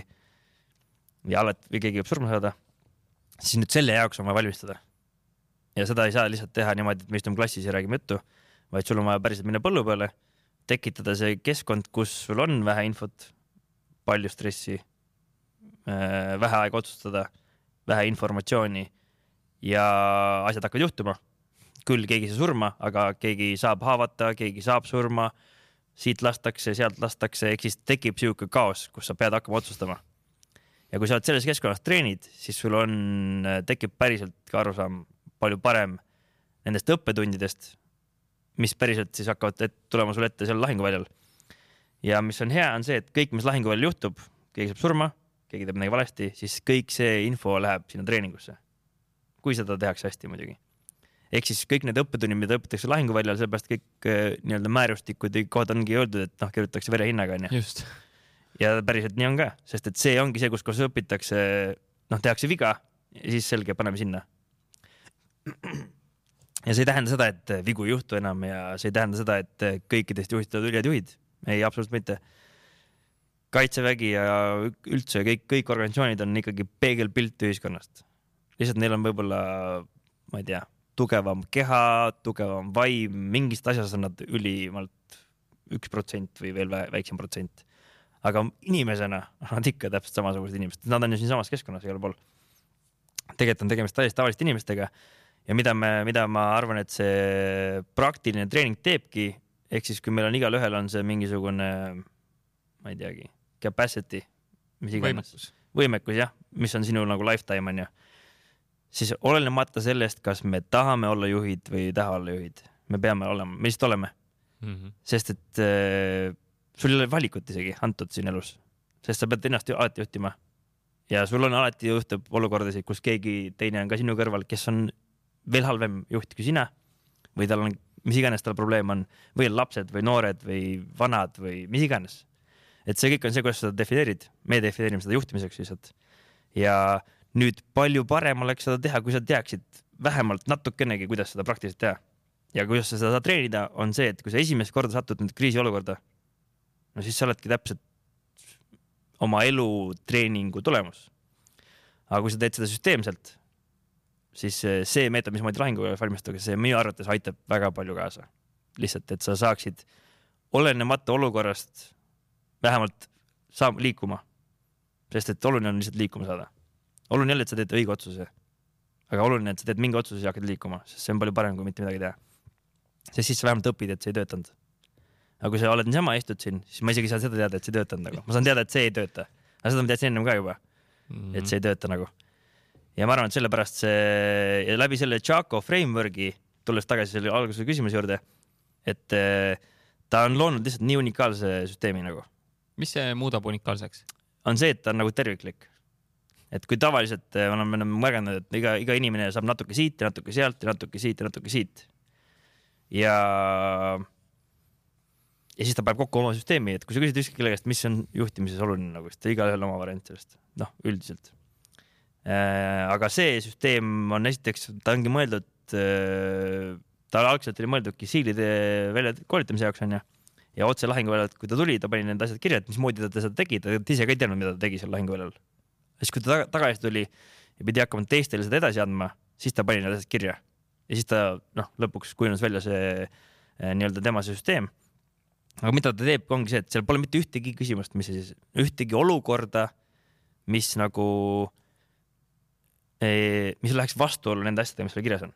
ja need on hästi vähe ja need on lihtsad, mis on kõige põhilisem asi lahinguväljal. mida lihtsam see on mm, -hmm. seda paremini töötab. Sest et asjad lähevad valesti niikuinii kohe, vahet ei ole, kui kohe, kohe, lihtsalt kohe nagu. ja ma olen toonud jumala hea paralleeli sellega, et äh, kui ma lähen koolitust andma ja valmistad ette oma PowerPointi ja siis see on justkui nagu see alg, algne ettevalmistus, see sinu planeerimine onju. ja nüüd sa lähed sinna koolitusele. okei okay,, esiteks jääd ise hiljaks võib-olla, juba on plaan pekkis. siis äh, räägid viis minutit kauem, juba plaan pekkis. nüüd kuidas sa adjust'id, keegi küsib liiga palju küsimusi, keegi küsib väga häid küsimusi. ehk siis sul on võimalik nende kõikide contingent'ide jaoks valmistuda, mida rohkem sa teed, seda rohkem sa valmis oled. aga nüüd seda kõike üritab kaitsevägi teha treeningu ajal et nüüd, kui me lähme sinna PowerPointi selle alla, et võimalikult vähe erroreid, mida me oleksime saanud ära hoida, oleks ära hoitud ja mismoodi seda kõige rohkem tehakse, on rehearsal'id. mis see tähendab? Rehearsal tähendab seda, et äh, kui me oleme nüüd sinuga koos, tahaksime minna ära võtta, ma ei tea, mis kohta, mida me tahame ära võtta no,? Venemaal midagi Venemaal midagi, onju. siis esimene samm oleks meil valida mingisugune sõiduk, onju. ja nüüd, kui me teame, et näed, selle sõidukiga me sõidame letti, ma ei tea, kuhu iganes kohta, siis nüüd üks asi, mida me saame teha, on see, et kui me paneme varustuse selga, siis me lähme istume autosse kõigepealt lihtsalt ja vaatame, kas selle varustusega me mahume autosse, kuidas me siit autost välja saame. Äh, kas ma pean oma haamri teise koha peal tõstma? Okei okay,, seda relva ei ole siin üldse kuhugi panna. Äh, ehk siis sul tuleb hästi palju, sa üritad ära eraldada nii palju vigasid kui võimalik, enne kui sa jõuad sinna targetisse ehk siis see ongi nagu rehearsal, samamoodi enne kui ma lähen äh, mingisugust presentatsiooni läbi viima, ma harjutan läbi. enne kui ma lähen sinuga kokku saama, ma lähen podcast'i, mul on võimalik midagi veel läbi mõelda, mul on vaja ettevalmistust teha, onju. ja mida nii-öelda nuubim sa oled, seda rohkem seda vaja teha on. ja, ja see on see, mida me tegime ükskõik kuna. Me oleme teinud, ma ei tea, sada operatsiooni juba. alati. alati tuleb midagi välja, mida sa ei taha, et tuleks välja seal me kõige naljakam näide on olnud see, et meil on olnud ühel tüübil lihtsalt päikseprillid peas nagu öösel. siis ta võttis valed prillid, siis ta käib ringi nagu mõtleb, fucking kuradi, nii pime on. mis teema on, vaata. tüübil on öösel olid majal, maja puhastamine, maja sees, tal oli ikka päikseprillid peas nagu. et tal oli veel selle otsas oli see night vision onju ja siis äh,, aga see oli rehearsal'il veel välja. et nii pime, ta ütles, ma ei saa aru, nii fucking pime on nagu siis mõtlesin, muidugi sul on pime, sul on päikseprillid peas, vaata. ja siis vahetasime ära, et siuksed väiksed asjad tulevad välja. et sa ei taha, et need asjad juhtuksid seal mm -hmm. on the target, sest et seal lähevad asjad valesti niikuinii. ja sa tahad, et eh, võimalikult palju ära eraldada neid. ja täpselt samamoodi on igas, igal, igas pool eraelus nagu. et palju sa teed neid rehearsal'id ja ma arvan, müügimehed teevadki niimoodi treeningut ja läbi praktika. Ehk siis me võime mõelda siin ka, ehk siis kui me mõtleme planeerimise peale, siis kõige suurem osa lähebki selle läbiharjutamise peale lihtsalt kõnnime läbi. kõnnime autost targetisse, kõnnime targetist autosse. oleme autos. nagu kõik siuksed asjad, autovahetus, okei okay,, vahetame auto ära. mis saab valesti minna, ehk siis what if contingency planning. ehk siis kõige olulisem asi iga plaani juures on eesmärk, meetod ja lõpptulemus. mismoodi võit välja näeb. Kui me seda teame juba, siis rohkem pole midagi vaja teada. me saame kohe minna täitma seda ja, ja siis järgmine ülioluline asi on äh, contingency. mis juhtub siis, kui? mis on äh, vastase kõige tõenäolisem tegevuskava? ja mis on äh, vastase kõige hullem tegevuskava, mida me ei tahaks, et ta üldse teeks? ja kõik ülejäänud asjad lähevad sinna vahele. ehk siis lähme presentatsioonina, mida me ei tahaks, et mitte kunagi juhtuks, kindlasti sada protsenti. Ja mis on tõenäoline, et juhtub, ma ei tea, arvutid pole kaasas või le- elekter läheb ära. mis me siis teeme? ehk siis peavad olemagi valmis sihukesteks asjadeks ja sa mõtledki nende asjade peale, mis on kõige tõenäolisemad. ja, ja kui sa need asju tead, siis tegelikult kõik ülejäänud asjad, sa oledki paindlik, ehk siis, siis seal ongi sul need väiksed meetodid, ehk siis kuidas ma seda asja teen, ehk siis on SOP, SOP, SOP, SOP, SOP ja siis vahet ei ole, mis juhtub, sa võtadki SOP ja paned sinna, SOP ja paned sinna. Et see annabki sulle paindluse, paindlikkuse. Ja tihtipeale arvatakse, et kui sul on hästi tugev või hästi mingi protsess, vaata, mis on hästi läbimõeldud, et siis see muudab mind aeglaseks. tegelikult on vastupidi, see, kui mul on nagu default'id on paigas, siis see annab mulle hoopis kiiruse, sest ma ei pea enam mõtlema, ma saan võtta pumm-pumm-pumm-pumm-pumm ja see on see, mismoodi kaitsevägi on üles ehitatud ja sellepärast ei peagi väga kaua planeerima. Teeme kapoti peal käsu ära, eesmärk on see, okei okay,, umbes teeme seda meetodit, lõpptulemus on sihuke, mis saab valesti minna, okei okay,, see saab valesti minna, see saab valesti minna, siis teeme niimoodi, siis teeme niimoodi, siis teeme niimoodi. küsimusi on? ei ole? Davai, let's go. jah, ja fakt on see, et alati midagi valesti Jah. läheb, ma lihtsalt see, kuidas me kaitseväes äh, nägime, noh, tegime mm. põhibaasharjutusi Jah. söösta, katta ühes liinis mingit nagu ja nigu läks pinge peale, nii kõik lagunes lihtsalt Jah. hetkega ja koolitustega on sama, see koolituste näide on sul väga hea, olles täna ise teinud, ma arvan, siuke sada viiskümmend ettekannet, siis kõik need asjad, mis sa nimetasid, on juhtunud. jah, ongi. Jah. ja, ja kuidas sa valmistudki selle jaoks, ongi see, et sa valmistud ja siis eh, sa õpid põhiasju sealt, kui sa oled sõjas. ehk siis siis, kui sa annad presentatsiooni. sest siis sa õpid. Mhm. see on see koht, kus sul, või mitte sa ei õpi siis, vaid siis sa identifitseerid kõik asjad, mis valesti olid. nüüd, kui sa panedki selle, mis sa seal ära õppisid, said teada oma treeningusse, siis see tulebki väga hea treening lõpuks. eks sa peadki treenima nii, nagu sa võitled, ehk siis kui ma saaksin teha alati rehearsal'it enne, kui ma lähen viiesaja inimesega rääkima, viiesajale inimesele, siis oleks kõige parem treeningkeskkond. aga noh, meil ei ole siukest luksust tihtipeale onju. aga kui sa saad isegi kümnele inimesele teha, siis see on juba nii suur vahe. ja, ja see ongi see rehearsal lihtsalt ja üle ei ole vaja mõelda, pigem planeeri vähe, mõtle väike samm ja hakka tegutsema. sest asjad lähevad valesti niikuinii, vahet ei ole, mis sa üritad. räägi, kuidas te USA läksite ja miks te sinna Ah, USA läksite, see on Mhm. üks hea lugu. ja, ühesõnaga ja tahtsime siis, mõtlesime, et äh, tegime oma esimese koolituse ära, nagu keegi küsis, ma ei mäleta, Martini käest, mingi vana, vanem tuttav. et kuule, tule räägi meile, ma ei mäleta, mis otsuse vastuvõtmisest või millest siuksest onju, siis esitati mulle see, Martin küsis mu käest, et kuule, mis sa arvad, mina veel rääkima peaks. Siis ma ütlesin, et äh, tegelikult neil on seda extreme ownership'i värki vaja nagu, nagu selle probleemi statement'i põhjal nagu, mitte et ma üldse teadsin neid inimesi, mis neil üldse probleemid on või midagi. aga ja siis läksime ja mõtlesime, et eh, no vahet ei ole, paneme siis, siis lõimegi labida maasse ja hakkasime tegema kombatari tessi onju. vaatasime, et okei okay,, kuu aja pärast on see nagu hea koolitus anda, midagi polnud onju, et eh, mõtleme siis välja midagi. ja siis mõtlesime välja ja siis see asi hakkas tööle onju ja siis kirjutasimegi peale seda kohe Chacole ja nende pundile nagu sinna USA-sse. et kuule, et me oleme kaks eh, mingit tonti siit eh, kuradi Ida-Euroopast. tahaks ka teha teiega koos asju, vaata siis see esimene, esimene vastus, saime üllatavalt saime vastuse kohe Leafi käest, et äh, et üliäge, et kõike teete ja heavy metal ja äge, et te olete teeninud ja noh, lahe värk. Ja siis äh, ma ei mäleta, suunati meid veel järgmisse kuhugi kanalisse ja siis hakati vist vaatama seda mingi online'i asja. et noh, et äkki tahate online'ist õppida või ma, ma ei mäleta täpselt enam isegi, mis seal oli aga siis me vaatasime, et see ei ole see, mis me tahame et me tahaksime olla ise nagu edasi teha seda, vaata. ja me tahaks maksta mingeid miljoneid onju neile selle eest, et seda teha ja me tahaksime seda teha laialdaselt siin Eestis nagu ja eesti keeles ja mida iganes onju. Ja siis äh, saime aru, et äh, kirjadele ei vastata enam, vaata. kirjutasime neid, ma ei tea, mitu kuud, vaata kaks kuud vist peale seda veel või kolm kuud. pidevalt kirjutasime, kirjutasime, kirjutasime. aga mitte liiga tihedalt me juba, aga kuna nende enda nii-öelda see framework, vaata, on täpselt sihuke, et me ei saa midagi, me ei saa põhimõtteliselt mitte midagi valesti teha. ja nemad ei saa midagi valesti teha. seepärast, et eh, kui me oleme liiga default aggressive'id ja nemad näiteks solvuvad, noh, siis nad vaatavad enda otsa, Mhm. mis oli nagu meil nagu sihuke, oh, ideaalne, Jah. vaata. ja tegelikult on meiega samamoodi nagu, et meie klientidel tegelikult on päris hea. sest et nad ei saa midagi valesti teha. meie saame enda, enda otsa vaadata, sest meie oleme need, kes äh, noh, tellimusi peavad täitma, onju. ehk siis nemad ei saa valesti teha, järelikult kui me ei saanud aru, mida, mida nad soovivad, siis see on meie probleem. ehk siis me ei piisavalt ei küsinud õigeid küsimusi, me ei suutnud õigeid suhteid tekitada ja siis, kui me aru ei saanud, siis me ei ütelnud ei ka. noh, ühesõnaga siin ei ole ühtegi varianti, kus me ei saa olla, kus me, kus meie pole süüdi selles, mis me valesti tegime aga siis oligi see, et vaatasime, et selge, et siin ei ole midagi teha, siin tuleb kohale lennata lihtsalt et ainuke viis, kuidas saada nende tähelepanu, on lennata kohale. ja selle idee välja, ma ei mäleta, käisime välja ja siis äh, oligi järgmine päev läksime, logisime sisse, vaatasime, kuna neil mingi asi on, aprill, selge, minu sünnipäev ka. ja siis läksime sinna.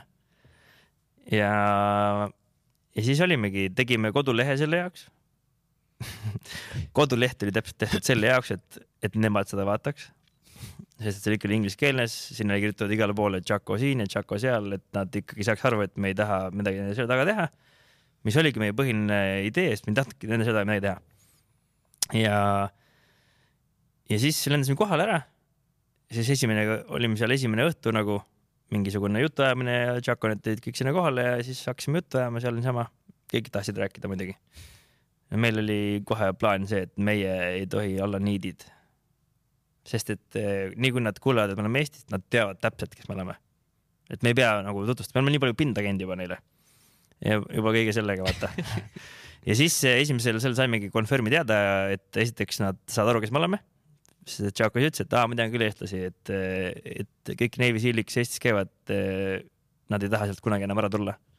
see oli nagu esimene kommentaar ja siis, me saime aru, et nad said aru ja siis ühel hetkel mul oli seesama telefon järjekordselt, ehk siis info hakkas jooksma, nii nagu ikka info peab jooksma.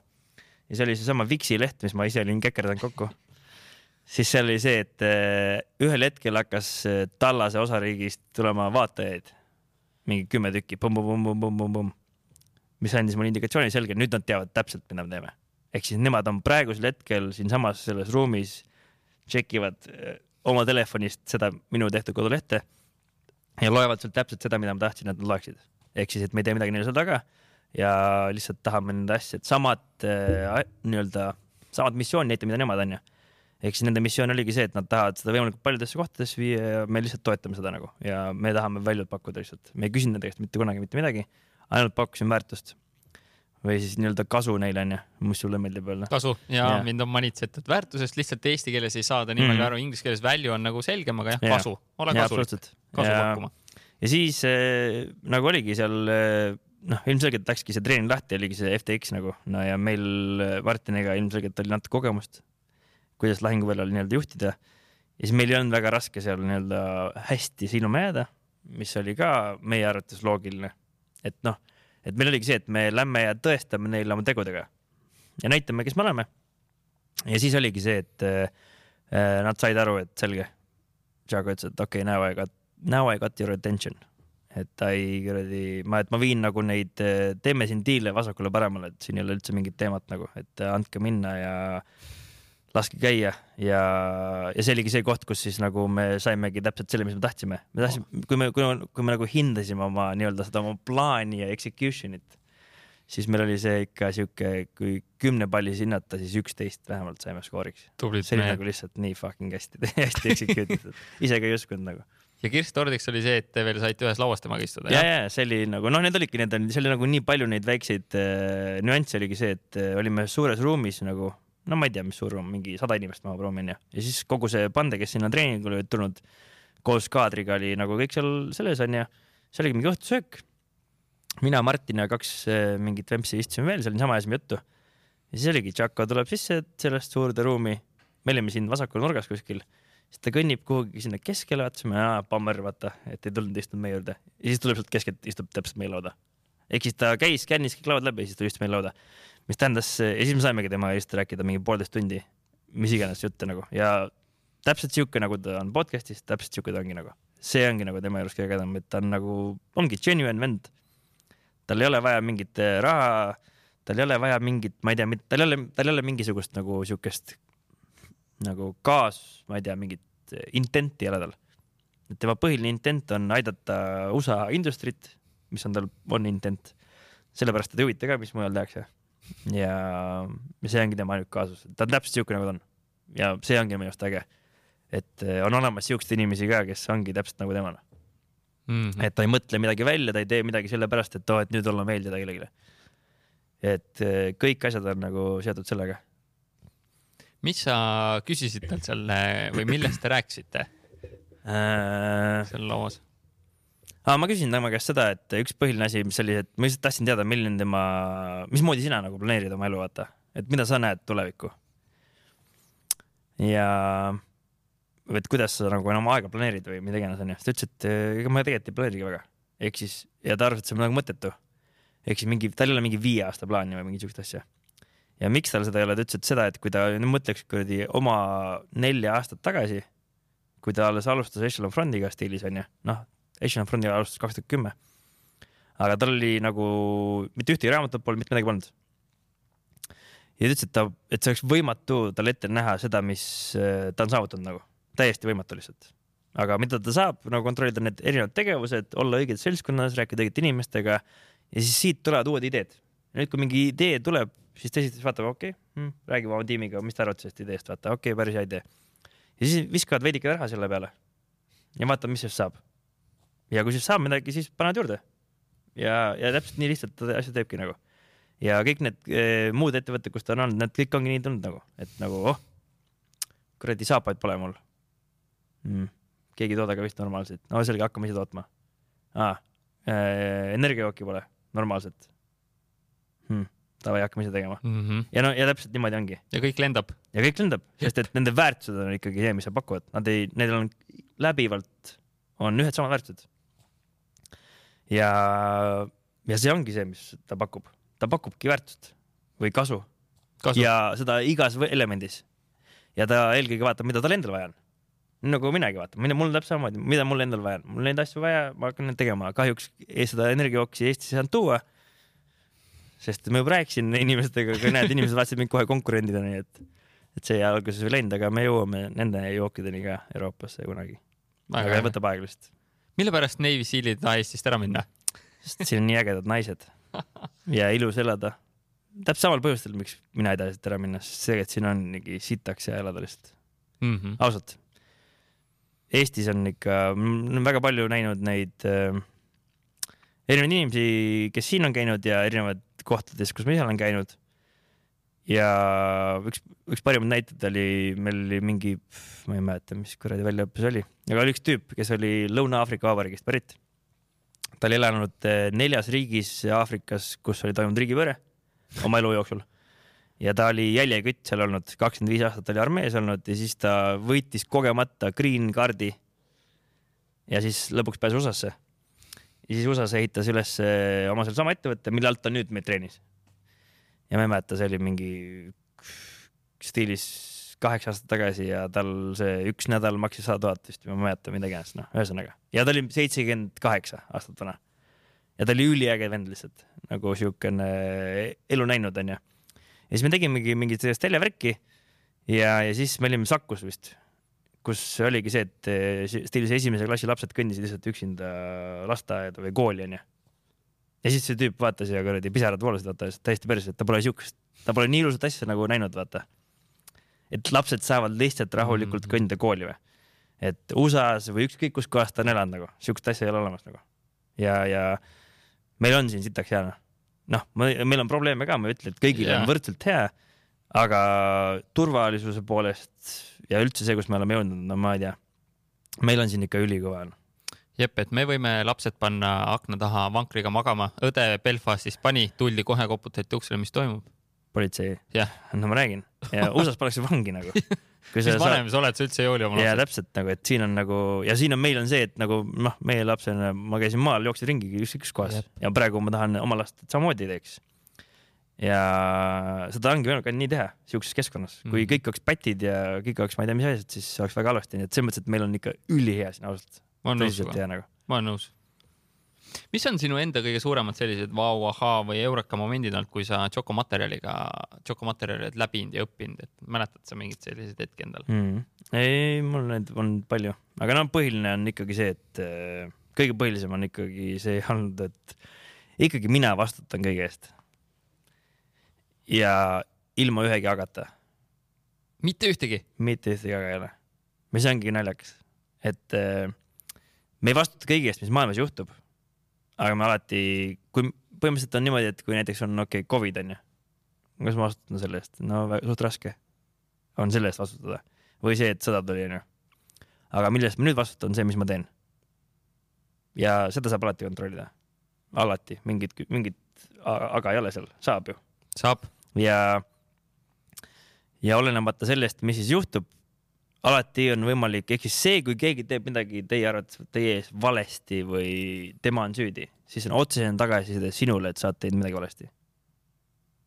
sa ei ole teda kas piisavalt toetanud, sa ei ole näinud läbi tema mingisuguseid asju, näiteks kui me võtamegi, mis kõige võib-olla siuksem näide on, kui sinu naine või mees petab sind, kelle vastutus on? Ikka enda. aga väga paljud inimesed süüdistavad oma kaaslast selles, et ta pettis teda. see on siuke algus ego ja valu ja, ja eemaldumine mis. iganes, aga tegelikult eh, on see kõik sinu enda teha. muidugi. ehk siis nüüd on küsimus, mida sa sellest õpid, vaata. ehk siis eh, mida ma jätsin tegemata. mida ma, kas ma valisin vale inimese, värbasin vale inimese, võid seda panna kohe tö- töö konteksti. Just, mhm. seal, sest töö kontekstis on kõik need asjad ära lahendatud. nüüd kõik asjad, mida tehakse ükskõik millise äri juures, see on täpselt sama nagu iga teise tiimi ehitamine. Samamoodi on see kodus toimub, sa värbasid endale vale kaaslase. nüüd, mida ma pean oma värbamisprotsessis paremini tegema, et endale parem kaaslane leida. ja nüüd see, kui sa süüdistad teda, siis kokkuvõttes sa ei õpi mitte sittagi sellest. ja see on kõige suurem probleem. eks kui võtamegi mõne näiteks äh, mõne, ma ei tea, lao või mingi sadama või mis iganes asja onju, sul on tõstukijuht seal kuskil eesliinil onju, kes äh, saab surma. ja nüüd äh, sina kui näiteks ettevõtte juht ütled, et, et see ei ole sinu süü. mis on täiesti okei okay,, sest see on nii kaugel ju vaata minust nagu Mhm. justkui. noh, aga kes vastutab selle eest? ikkagi sina. sest et kui sina seda vastutust ei võta, siis kes selle probleemi ära lahendab? et kui sina ei võta vastutust, siis kes võtab? eks keegi teine peab võtma selle vastutuse kuskilt, aga nüüd sina oled juht. sinu, sinu kätes on kogu, kõik ressursid, kõik võimalused adresseerida seda, et näed, seal on meil see inimene surma, see on minu vastutada. nüüd ma teen selle, selle, selle, selle asja ja tegutsed. ehk siis sa saad päriselt asju nagu muuta. ja kui sina seda ei tee, siis eh, lõpuks ei tee mitte keegi seda. kõik vaatavad, kõik vaatavad kellegi teise otsa Mhm. kui mina olen eeskuju ja vaatan kellegi teise otsa, siis hakkavad kõik vaatama teise otsa. ja see on, see kehtib lihtsalt igal pool. ja ma räägin, ma olen nüüd piisavalt palju tuleristseid ka saanud selle aja jooksul erinevate küsimustega ja ma võin öelda, et ei ole ühtegi olukorda, kus mina ei vastuta kõige eest, mis juhtub. ja see üldse ei tähenda seda, et mu elu on ideaalne. ja minu arvates see lihtsalt isegi lihtsustab. sest et ma ei ole sõltuv mitte kellestki teisest, Mhm. mis on nii lihtne. nagu mina ainult olen ja ma saan muuta väga palju asju ja ma ei tea ja ma räägin, ma olen läbi käinud tulest veest ja ma ei tea, läbi põle, põlemistest ja muudest asjadest. ja kõige sellest vastutan ka mina. ja see ongi see, kus ma olen õppinud nagu kõige rohkem, et äh, ei ole olemas ühtegi olukorda. ma võin debate, kes mm. -hmm. tahab, tulge, proovime, proovime arutada. ja mitte sellepärast, et ma tahan, et, et mul õigus oleks mm. -hmm. vaid ma tegelikult tahaksingi leida mõne koha ka, kus ei ole. Sest ma tahaks aru saada sellest, sest et eh, mis mul võib tuua, on see, et neli pluss neli on kaheksa, onju. ja kui su laps kirjutab nüüd sinna üheksa, siis mismoodi sa teda lõpetad? sa ei lähe ju ütlema talle, et näe, vastus on kaheksa ja sa oled loll, onju. ja sa tegelikult sa tahad aru saada, miks ta sai sinna kaheksa mm. -hmm. ja kui sa tahad, et ta nüüd sellest õpiks või tähendab, õigemini sa tahad aru saada, miks ta üheksa sai, onju. ja kui sa tahad aru saada, et õpiks, siis sa pead selle, selle formulaga tegelema või selle valemiga, sest valemis on midagi valesti. okei okay., ja nüüd oletame, kui mina arvan, et vastus on üheksa ja laps kirjutab neli pluss neli on kaheksa ja mina mina tean sada protsenti on üheksa. eks ma pean minema tema juurde selle mõtteviisiga, et mul võib olla vale vastus, sest et üheksa ongi vale vastus. aga ma võin uskuda või teada, et selle loogika tulemus on üheksa. ehk siis ma pean olema valmis minema ja kuulama, austama, kuulama äh,, usaldama ja lõpuks mõjutama, onju. ehk siis ainult läbi selle, kui ma arvan, et tal võib ka õigus olla, on mul võimalik aru saada, kui minul on vale midagi. mis tähendab seda, et me peame oma ego alla suruma ja päriselt tahtma teada saada, kuidas ta seda asja teeb nagu. ja see on ainuke viis nagu ja lapse peal on seda väga lihtne nagu harjutada mm. -hmm. proovige just, proovige talle matemaatikat õpetada ja vaadake, kas olete targem või ei ole. jaa. sinu meelest suurimad valearusaamad juhtimisest üldse, mis sa näed, et Mm. endiselt on? ja ma arvan, et äh, kõige põhilisem on see, et et karjudes saab midagi teha või käskides. see on nagu endiselt on veel teema ja, ja ma arvan, hästi palju teemasid on ka siuksed nagu rohkem subtle'id ehk siis need võib-olla ei panegi tähele väga palju äh, kõrvalt, et kuidas sa tegelikult ikkagi mikromanageerid. kuidas sa ikkagi, sest sa igalt poolt kuuled igasugu asju sa kuuled ja sa võid olla teoorias väga tugev, aga praktikas see võib olla hoopis midagi muud. ehk siis praktikas me oleme ikkagi oma harjumuste orjad. vahet ei ole, milline harjumus sul oli, iga harjumusega läheb rämedalt tööd. ja kui sa oled seda kümme aastat teinud, siis läheb kaua aega, enne kui sul see klikk käib. ja, ja ma arvan, et põhiline on see, et äh, inimesed ei ole juhid. on üks teine nagu aspekt ja et kõik inimesed ei ole võimelised juhtima ja nad ei ole piisavalt kompetentsed ja nad ei saa hakkama ja ma ei saa neile vastust anda, sest nad on nii rumalad.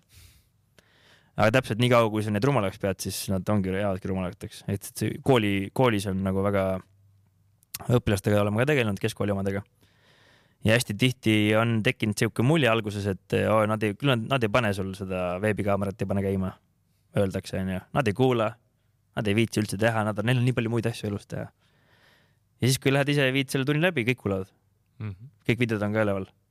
Nagu ei ole siukest probleemi, ehk siis kui meie paradigma või meie mõtteviis hakkab segama seda, siis lõpuks need inimesed, kui ma mõtlen sinust kui lollist, no see tegelikult see näide oli ka veel palju juhtunud, on see, et eh, kui sa arvad, et kellegi ideed on debiilsed, näiteks, siis isegi kui nad tulevad ideaalse ideega välja, sa ikka arvad, et see on debiilne, sest et see on sinu see lähtekoht.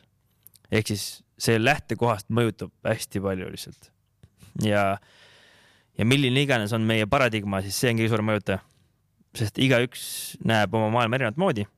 idapiiri taga nähakse ühte tõde, Mhm. meie näeme teist tõde. ja nüüd, kui sa juhtides arvad ka, et see, mis on näiteks töötanud, näiteks sa oled karjunud inimeste peale kümme aastat ja see on töötanud. sest inimesed ongi, ma ei tea, kartma hakanud sind või ja sa oled kuidagi üle laipade jõudnud eduni. aga see, see, sa oled results oriented ehk siis nagu pokkeris, pokkeris sa võid mängida A-mängu, ideaalset mängu lihtsalt, optimaalne. aga variatsioon pole sinu kasuks ja kaotad. ja sa võid mängida ülihalba mängu, kõik valesti teha ja sa võidad, Mhm. aga sa ei võida in long run.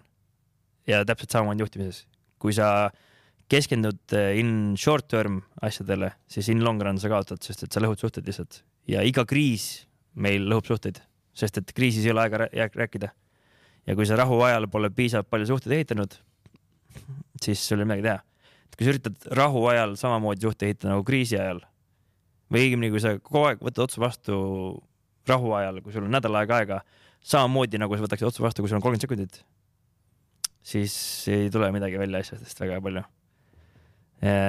ja ma arvan, need on nagu siuksed põhilised mm, Mhm. ja noh, number üks ikkagi samamoodi nagu ma ise iseenda poole ütlesin, on see, et juht vastutab kõige eest. kõikide asjade eest vastutab juht, Mhm. täpselt nii ongi ja sellest ilmselt ei saa ka aru, sest alati on aga. aga see ja nii kui tuleb aga lauses, siis on valesti midagi lauses. juht värbab inimesi, juht saab mentordada neid, juht saab äh, treenida neid, juht saab neid, ma ei tea, mida kõike, mida, mida, ütle üks asi, mida juht ei saaks teha oma inimeste jaoks. ma ei tea, mul ei tule. Ma ei tea, mul ka ei tule. noh, tema käes on aeg ja ressursid. kõik asjad on seal tema juures on ju, aga see ei tähenda seda, et ta kõiki asju peab ise tegema. ta ei saagi ise teha. sest kui tema ise teeb, siis mis see saab meestest mm., keegi teine ei- ei arene üldse enam, vaata. aga, aga tal on võimalus teha kõike. aga see ei tähenda seda, et ta peab ise kõik asjad nagu viimse detailini ära tegema. aga ta saab alati kõik pallid liikuma panna. ja tegelikult, mis ongi huvitav selle asjas, on see, et iga inimene saab. Ükskõik millises organisatsioonis sa oled, ükskõik millisel positsioonil sa oled, sellepärast sa oledki juht et ükskõik, mis positsioonil sa oled, ükskõik millises organisatsioonis, sul on võimalik teha midagi selle jaoks, et pall liikuma panna õiges suunas ja toetada oma inimesi.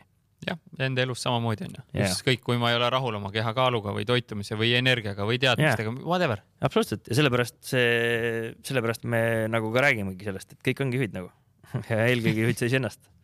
Ja nüüd küsimus ongi, kas sul on antud mingi tööriistakast selle jaoks kuskilt koolist või elust või, või ei ole?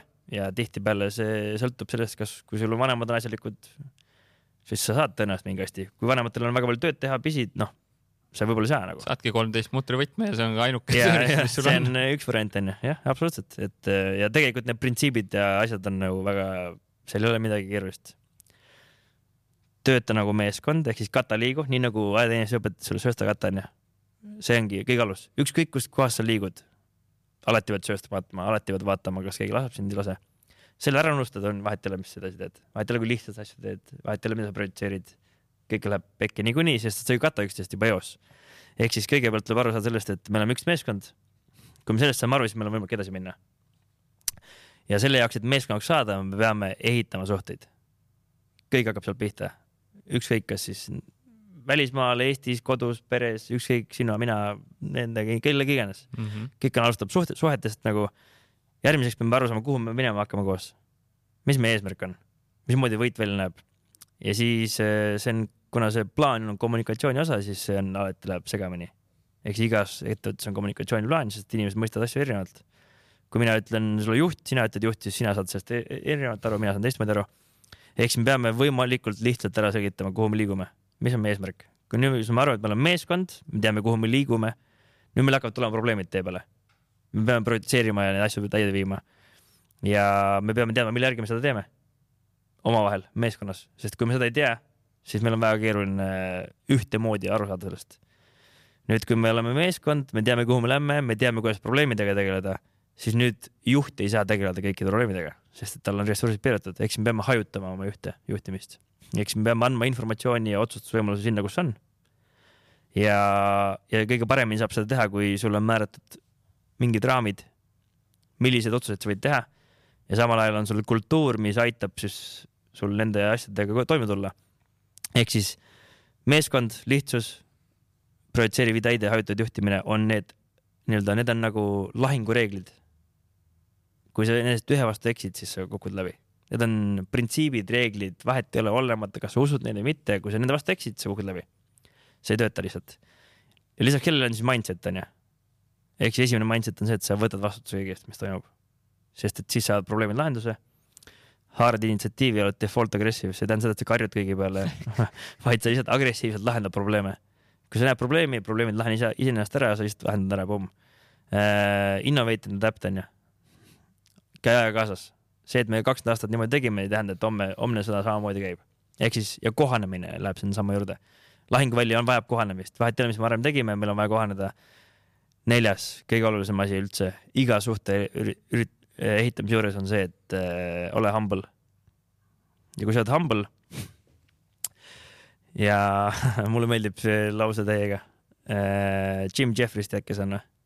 üks, üks stand-up'i tüüp tal on üks, üks beat on tal, kus ta teeb, ütleb seda, et milline inimene võiks olla, et tal on seal A4 formaat ja siis ta ütleb sinna, laseb sinna ühe lause peale kirjutada, et see võiks olla nagu see moto. Try not to be a cunt, nagu on seal kirjutatud. et kui sa ei ole see, siis sul läheb elus hästi mm. -hmm. sest sa oled normaalne vend lihtsalt ehk siis eesti keel ilma, ilma selle piibita võib-olla või ma ei tea, mis iganes moodi seda eetris lasete. et sa tegelikult sinna ühe paberi peale kirjutad, et ole lihtsalt normaalne inimene nagu mm. -hmm. ja see on see, kus see hakkab pihta, kui sa oled humble, sa hoiad ennast tagasi juhina, sa ei arva, et sa oled kõige targem inimene ruumis, see tähendab seda, et sa suudad kuulata ja nii edasi tagasi, siis see on see, kus kõik suhete ehitamine hakkab pihta. ja viimane mindset on discipline equals freedom, noh. kui sa oled distsiplineeritud, sa saad rahaliselt vabaks, tervist, kõik muud jura ka. ja nüüd ongi sul kaks maailma mis seobki selle asja kokku, ongi see, et eh, kui kõik on juhid, onju, siis eh, need on need reeglid, mis kehtivad meie ühiskonnas, keskkonnas, need four laws of combat ja need on nende mõtteviisid, mis toetavad neid ja kui sa neid elad, rest is history. siis oled nagu Tšoko. ei, siis sa oled edukas lihtsalt mm, -hmm. mitte nagu Tšoko see, see on omaette level. see on täitsa, see on sür-. see, see mingi... Chuck Norriseks või Chuck Norriseks ei saa ikka niisama. niisama ei saa kui mõne meeskonna distsipliin ja kultuur on paigast ära, kuidas selle tagasi saab? Endast hakkab pihta. ehk siis, kui minu meeskonnas ei ole distsipliin paigas, järelikult, mis ma saan teha selle jaoks, et see oleks? milline eeskuju ma olen, sest kõik asjad on eeskujuga seotud. ja kõik, mida mina teen, teeb mu laps järgi, kõik, mida mu ülemus teeb, seda teevad meeskond järgi. kõik, mida see üks mürgitaja teeb, teeb meeskond järgi, ehk siis see algab sinust endast pihta, ehk siis järelikult ei ole mina olnud piisavalt distsiplineeritud. nüüd teine küsimus on, mida me defineerime distsipliini all? on võib-olla palju parem küsimus selles mõttes, et äh, distsipliin on äh, lihtsalt kokku lepitud kord. hea definitsioon. kui me iga laupäev joome õlut, siis meil on distsiplineeritud õlujood. ehk see küsimus, mis on sinu jaoks distsipliin üldse? distsipliin ei ole seotud kellaajaga. See ei tähenda seda, et neli kolmkümmend ärkad, nüüd ma olen distsiplineeritud, see ei tähenda mitte midagi. distsiplineeritud on see, kui sa liigud mingi kindla eesmärgi suunas järjepidevalt ja teed seda. ja kasutad neid kõiki ülejäänud asju ka, millest me rääkisime. noh, see on distsipliin. eks kui sa oled midagi elus saavutanud, ma olen sada protsenti, kõik inimesed on milleski distsiplineeritud. ehk siis igaühe meie sees on olemas see. lihtsalt küsimus on, kas sa oled kokku leppinud selles korras, mida sa tahad üldse jälgida ja siis on ülioluline aru saada, miks sa seda teed. Et kui ma tahan teha trenni sellepärast, et oo, Timo ka teeb nagu, no siis see ei tööta nagu, sest et see ei ole mind, see ei ole minu jaoks piisavalt mm. Veenev asi, millest mina kasu saan, sest et eh, ma teen seda Timo pärast. aga miks mina seda tegema pean? ehk siis, kui ma mõtlen näiteks Combat Ready peale, siis ma ei tee seda kellegi teise pärast praegu, ma teen seda lihtsalt sellepärast, mulle meeldib seda lihtsalt teha Mhm. ma ei ole sealt mitte midagi praegu nagu tagasi saanud, ütleme niimoodi, et ma ei ole vä- välja võtnud, kõik raha on tagasi investeeritud. Siis ma olen siin rohkem pannud sisse, eks ma finantsiliselt, see ei ole distsiplineerinud üldse, null. aga palju ma olen aega pannud sinna, meeletu. ja ma olen väga distsiplineeritud selles olnud. kui sa võtad mingisuguse, ja see kõik käibki nagu nii-öelda lainetega, sest et igal hetkel on sul erinevad prioriteedid. jah, sul võib olla mingi baas, ma ei tea, näiteks sport, Mhm. viis minutit, tund, mis iganes, raamatu lugemine, enda arenemine, eks siis needsamad neli punkti, mis ma rääkisin, need on jah olemas, aga sa ei suuda kõikide nende asjadega, sa ei suuda kõikides asjades olla olümpiasportlane nagu. sa pead lihtsalt valima, midagi teha ei ole, sa pead valima, kuhu sa oma effort'i paned. ja, ja kui keegi teine paneb oma effort'i kuhugi mujale, siis ära võta isiklikult. ühtegi asja ära võta isiklikult lihtsalt, sest et uh, who cares ja mitte kedagi ei huvita, kui me ära sureme, mitte kedagi, no sorry tõesti. ja, ja selles mõttes, et sina ka sellest mingit kasu ei saa. Et sa solvud ära ja sa oled üksinda solvunud lihtsalt. sa tead, et sina ikka tegid seda iseendale. see on veel sitem olla pärast õhtul, perse, olin loll olin, ise solvasin ennast. täpselt. jah, et jah, mina arvan, et see distsipliin on lihtsalt selle küsimus, et ma arvan, et kui sul on meeskond mitte distsiplineeritud, siis küsimus on, kas üldse saate aru, mis asi on teie ühine distsipliin. millest te üldse tahate distsiplineeritud olla, Mhm. et sada protsenti on asju, millest te olete distsiplineeritud. lohakuses näiteks võivad olla Jep. inimesed distsiplineeritud. Aga miks see nii on? ja sealt, ma arvan, leiab vastuseid. kui mõni kuulaja, vaataja mõtleb, et milline see väliharjutus välja näeb, sa rääkisid, et seal ikkagi mm. õpib kõige rohkem, siis kui sa peaksid seda kirjeldama, mis seal, mis toimub? Äh, kes tahab vaadata, Youtube'is on olemas ka FTX ja Combat Ready mm, Mhm. -hmm. eesti inglise keeles saate vaadata. aga mis, milline see välja näeb, see on niimoodi, et äh, esiteks on see on ainult, see on üks, üks moodulitest onju, mille abil on võimalik identifitseerida igal inimesel, kui hea või halb ta juhtimises on. ja, ja seda selles mõttes, et sealt on võimalik edasi, edasi nagu liikuda ja, ja samal ajal nendes olukordades, kus sa oled, meil on väga lihtsad nagu tehnikad, kuidas saab juba aidata sealsamas sind koha peal. aga mida see, mismoodi välja näeb, on see, et kuna see on hästi praktilise iseloomuga, siis äh, juttu palju ei ole. on äh, tund aega selline teooria, noh, nagu me siin oleme rääkinud, onju Mhm. äh, veidike spetsiifilisem siis loomulikult ja rohkem detaile, et kuidas see sõjaväemaailm nüüd tsiviilmaailmaga kokku läheb ja nii edasi-tagasi. siis viskame relva kätte, relvad on laserrelvad, et keegi ei saa pihta, keegi ei saa haiget. ja sest et rõhk on seal mitte laskmisel tegelikult, vaid rõhk on juhtimisel ja kui meid hakkab nüüd segama mingisugune asi, et ma saan kuuli kuskilt, siis see segab mind ja keegi ei taha ka pärast minna tööle nägu lõhki sinikad. jah, et äh, ja siis äh, lühidalt räägimegi relvadest onju ja siis juba hakkabki väljaõpe tegelikult pihta nagu noh, see praktiline pool, ehk siis me keskmiselt on sihuke viisteist inimest, on sihuke ideaalne grupp, sest et siis saavad kõik inimesed, kes tulevad, olla juhi rollis. ehk siis äh, kõige olulisem ongi see, et iga osaleja saab olla juht ja päriselt juhtida. et tihtipeale me käime nagu juhtimiskoolitustel, ma arvan, et eh, kus me õpime ujumist basseini kõrval ja siis kolm inimest saavad ujuda ka. ülejäänud vaatavad ikka, kuidas need teised ujuvad. aga meie treeningul on siis see, et kõik saavad ujuda. sest et seal ei jää muud üle, sa pead juhtima, sa pead eh, ujuma koos. ja siis need ülejäänud, kes ei uju, nagu me ütlesime, et igaüks on juht, siis isegi kui sa pole mingil hetkel juhi positsioonil, sul on võimalus toetada juhti. nüüd sa pead valima, millisel hetkel sa seda teed. ja, ja kuidas vastavalt see olukord on, sest vahepeal saab juht surma noh, juhil või juhiga juhtub midagi sest et või, või siis juhtub sinu mehega midagi, ehk siis meil on tihti olnud ka seda, et kui mõni juht on hästi jutukas nagu, siis ta saab näkku haavata. ja ta ei saa enam rääkida. mis tähendab seda, et ta tahab juhtimist üle võtta kogu aeg. mis tähendab seda, et teised ei saa treenida. ja kui nüüd üks segab, siis tegelikult saab väga hästi aru just sellises olukorras, kus on kriis, mida see tegelikult teeb, kui ainult üks räägib. mida see teeb, kui mitte keegi ei räägi millise kultuuri sa oled loonud, kui ainult üks võib rääkida või lolle küsimusi või küsida näiteks, noh, kõik asjad tulevad hästi kiiresti välja, sest et lahingväli annab sulle kohe tagasisidet niimoodi, pumm. said kuuli, selge, ma sain tagasisidet, ma tegin valesti. astusin IED otsa, sain aru, aru. mis on IED, kes ei tea? IED on äh, isevalmistatud lõhkekeha onju Afganistanis, et äh, astud peale, jalgandab otsast ära ja said tagasiside, läks persse pean tegelema, ei ole mingit aega vabandust otsida, et äkki enam nii juhtuks aga põhimõtteliselt, millised need ülesanded välja näevad ja see on niisugune päevapikkune treening ja see niisugune elab, see stsenaarium elab, onju. et kõik, kes siia tulete, te tulete vabastama mingisugust kohta, tõenäoliselt mingitest pahadest inimestest. ja, ja siis saategi konkreetsed ülesanded, näiteks, et on pantvang kuskil ja ta lastakse maha näiteks kahekümne minuti pärast. ja nüüd on teie ülesanne meeskonnaga minna ära päästada.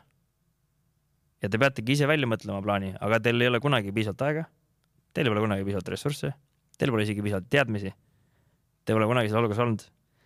aga te peate minema ja ära tegema selle. ja, ja te peate koordineerima kõiki neid asju maastikul ja kõik see muu sinna juurde onju. et see ei ole üldsegi mitte lihtne, aga see ei ole ka üldse mitte raske. see on, kõik on suhtumise küsimus. ja, ja mis ma arvan veel äh, nüüd, see, kuidas te teete, tegelikult on ükskõik kas te päästate selle pantvangi ära või ei päästa. Äh, nüüd on oluline, mis on peale igat operatsiooni, need kestavad kuskil kakskümmend minti, siis tuleb debrief. Ja seal me tegelikult räägime nüüd juhtimisest. Ehk siis, mis probleemid sul juhtina tulid, mis probleemid mul meeskonnaliikmena tulid, kas me üldse saime aru, mis meie eesmärk oli, kas me töötasime nagu meeskond, kas me prioritiseerisime mingeid asju, kas me viisime neid ka täide, kas me kasutasime hajutatud juhtimist või me mikromajandasime, ehk siis kõik needsamad reeglid, mis me oleme rääkinud, extreme ownership, kas mina juhina võtsin vastutuse selle asja eest kas ma olin äh, agressiivne piisavalt palju, kas ma äh, kohanesin olukorraga, mille järgi ma kohanesin, kas me olime piisavalt äh, humble'id, kas me kuulasime, mis keegi ütles sulle plaani andmise ajal? Ja nii edasi-tagasi, et kõik needsamad äh, põhitõed, millest me räägime, need, sa lihtsalt elad need seal selle päeva jooksul. Ja sa näed erinevaid nurkade alt ja sa, me oleme võtnud sinna täiesti seinast seina inimesi, viisteist inimest, kes üksteist ei tunne. ja päeva lõpuks nad on fucking meeskond ja nad võiksid minna tegema päriselt asju. mitte nüüd sõjaväelisi asju, aga ükskõik mida. sest et kõige kiirem viis üldse lahendada ükskõik millist probleemi. tihtipeale öeldakse, et eh, millised on piirangud projekti juures, on mingid rahalised ja ajalised, aga mina ütlen, et kõige suurem ajapiiraja on eh, mindset, mõtteviis. kui sul on õige mõtteviis, siis ülejäänud asjad mõeldakse välja. kui me oleme väga head sõbrad, saame väga hästi läbi, meil on õige mõtteviis, ehk me tahame lahendada olukorda ära, siis olenemata, palju meil on ressursse, aega, me leiame lahenduse mm. -hmm. ja me hakkame, me leiame seda nii kiiresti ja seal ongi seesama, see nagu see tunne või see mõte tekib hästi kiiresti. sest et sa tead, miks sa siin oled. sa tead, miks sa siin oled, mida sa siia tulid tegema, kuidas siit edasi saada edukalt, sest et reeglid on sul olemas. ja, ja siis sa saad arugi seda sellest, et milline tunne on töötada meeskonnas, kus on sihuke mindset, kus kõik tahavad päriselt üksteist toetada, kõik saavad aru, et nad on meeskond nad saavad aru, mida liikuda, kui ei saa aru, siis küsime küsimusi ja nii edasi. ehk siis sul tekib niisugune täiesti teistsugune tunne, ma arvan, tavapärasest elust hmm. enamasti. ja, ja siis käib päev otsa, esimese opi teed ära, juhid vahetuvad ja läheb uuesti. mitte nüüd seesama ülesanne, vaid uus ülesanne, ehk siis seal midagi, midagi ei kordu. iga treening, iga kord, see on täiesti erinev, sest et kõik sõltub sellest, kuidas sa juhid. sest meil on rollimängijad, kes siis töötavad, ehk siis force on force training ehk siis ei ole põõsad jää taga, vaid sul on päriselt vastased, kes tegutsevad vastu sind ja kui sina teed siin valesti midagi, siis nad reageerivad.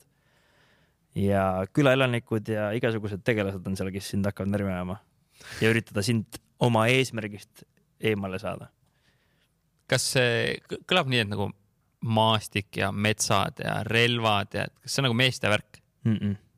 ma ütleks, et äh, ei, absoluutselt mitte, kusjuures see ongi jumala lahe on see, et äh, naised juhivad palju paremini. Seal on üks seal on üks kindel põhjus, seal olu- olukorras on see kindel põhjus igal juhul. on see, et äh, naised ei lähe sinna laskma. Ja naised lihtsalt lasevad relva võib-olla siia maha kuhugi. see tähendab seda, et juht ei peagi laskma, juht peab juhtima, aga mehed, kes lähevad ma tahan sinna, kohe nagu klõpsutada, just, just, kohe hakkavad laskma, vaata, kohe läheb andmiseks. Ja siis nemad eh, lähevadki tunnelisse ära ja nad hakkavad laskmisega tegelema, nii nagu iga spetsialist, kes oli milleski väga hea, ta hakkab sellega tegelema. ma olin väga hea turundaja, nüüd ma olen CEO. turund-, läheks teeks veits Jep. turundusasja, vaata. paneks reklaami tulest. ja see ongi põhiline, ma arvan, et eh, jah, naised saavad seal väga hästi hakkama ja naisi on väga palju, ma arvan, et meie kokkuvõttes nüüd eriti nüüd, nüüd ajal, ma ei tea, miks, aga ma arvan, et see on fifty-fifty. vägev, super, super. võtame veel eh, viimase teema. ütle No. kuidas sina oma elus eh, läbi põlesid, kuidas sellest välja tulid ja kuidas seda vältida, mis märke nagu näha? mm. -hmm. me just eelmine nädal vist tegime selle kohta juhtimisfoorumi. Facebookis on terve tund aega. Mitte minu kohta, aga seal on veel, meil on, meil tuleb välja, et meil on tiimis on kõik läbi põlenud peaaegu. elus vähemalt. paneme pärast sinna podcast'i alla selle Jah, lingi teile sinna. et meil on Teist palju neid inimesi olnud, onju, ja, ja mis mina olen alati öelnud, et minul on olnud veidikene teistsugune selle, selle võib-olla lähenemine on see, et mina arvan, et läbi, läbipõlemine kui selline, kui sa tahad opereerida nii kõrgel tasemel, siis see on vältimatu. et eh, kuna, kui sa ikkagi liigud nii-öelda oma piigi peal ja seal ühe, üle, üle ääre ja paned seda, siis eh, olenemata olukorrast eh, esiteks vead juhtuvad ja kui sa oled nii kõrgel tasemel, siis ongi, vigadel on suurem hind veits. aga et minu arvates on see nagu veits vältimatu ja mida mina olen alati mõelnud, on see, et eh, kuidas võimalikult kiiresti recover ida lihtsalt. et kui see niikuinii juhtub, no mis, mis seal ikka nagu, sest et eh, ma ei saa kontrollida lõpuks kõiki asju mm. -hmm. ma ei tea, kes sind ära sureb ja ma ei tea, kuidas nad mind mõjutavad ja ma ei tea, kuidas see, noh, ühesõnaga see on nagu noh, ma ei tea, mis juhtub te- tegelikult.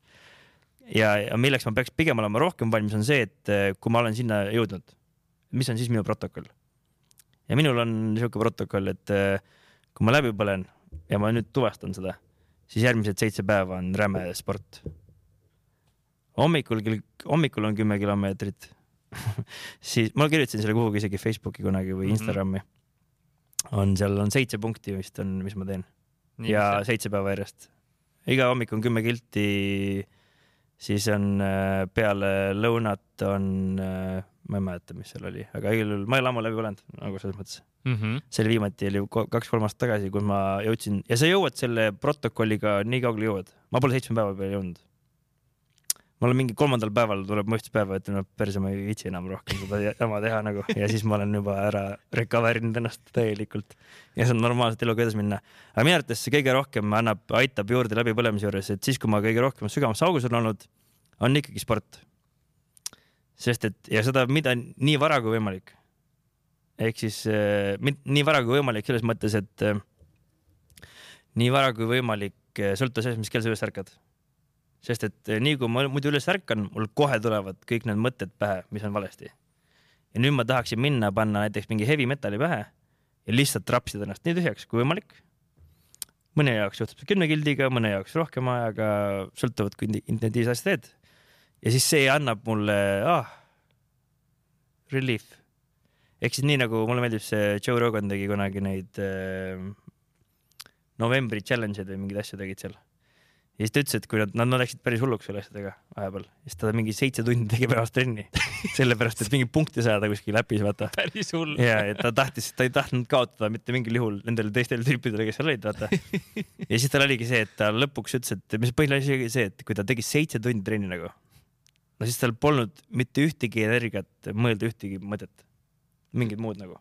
koormad füüsilise keha lihtsalt. jah, et mm. -hmm. varahommikul koormad oma füüsilise keha kohe üle ja see annab boost'i lihtsalt. Nüüd seal on loomulikult probleem sellega, et kui sa ei jõua ja sa oledki juba voodis keras onju ja sa ei viitsi, aga ühel hetkel sa ikka tuled sealt voodist püsti. ja ühel hetkel sa ikka astud sammu edasi ja siis tunne rõõmu nendest üliväikestest asjadest, mida sa teed. ja helista sõpradele. Nad tulevad, peksavad sind voodist välja. et tegelikult sul on olemas meeskond ja selle jaoks meeskond ongi tegelikult, et ega mina ise ei suudagi tuvastada endas, ma arvan, ära seda, et kui ma nüüd päriselt läbi põlen. ja sellepärast ongi ülioluline koguda enda ümber need inimesed, keda sina toetad. ja kui mina oma eeskujuga seisan oma meeskonna eest, no nad seisavad minu eest ka. ja kui nad näevad, et mul on midagi valesti ja ma hakkan augu poole minema, siis nad ütlevad mulle vahet ei ole, kas nad ütlevad seda isegi siis, kui on augu ääre peal, sest nad ei julge või mida iganes, aga nad lõpuks ütlevad ikka. ja kui nad ei ütle ja sa kukud auku, sa varem või hiljem saad sellest teada. nüüd küsimus ongi, mida sa seal teed, et sealt tagasi saada. ja mina olen rõhu pannud nagu sellele, sest et ma tean, et äh, midagi teha ei ole, liiga kõrgel tahan lennata, siis mm -hmm. midagi ei ole teha, see juhtub. et äh, aga muus osas lihtsalt tuleb, mulle meeldib see ütlus ka veel, et Äh, üks kolmandik päevast peab olema Suckfest. üks kolmandik päevast peab olema normaalne, niimoodi, et sul jumala ükskõik. ja üks kolmandik peab olema see, kui on ülihästi. ja kui nüüd läheb balansilt välja, nii et sul terve päev on Suckfest, siis on halvasti. kui sul terve päev on ülihea, on ka valesti midagi. ja kui terve päev on neutraalne, on valesti.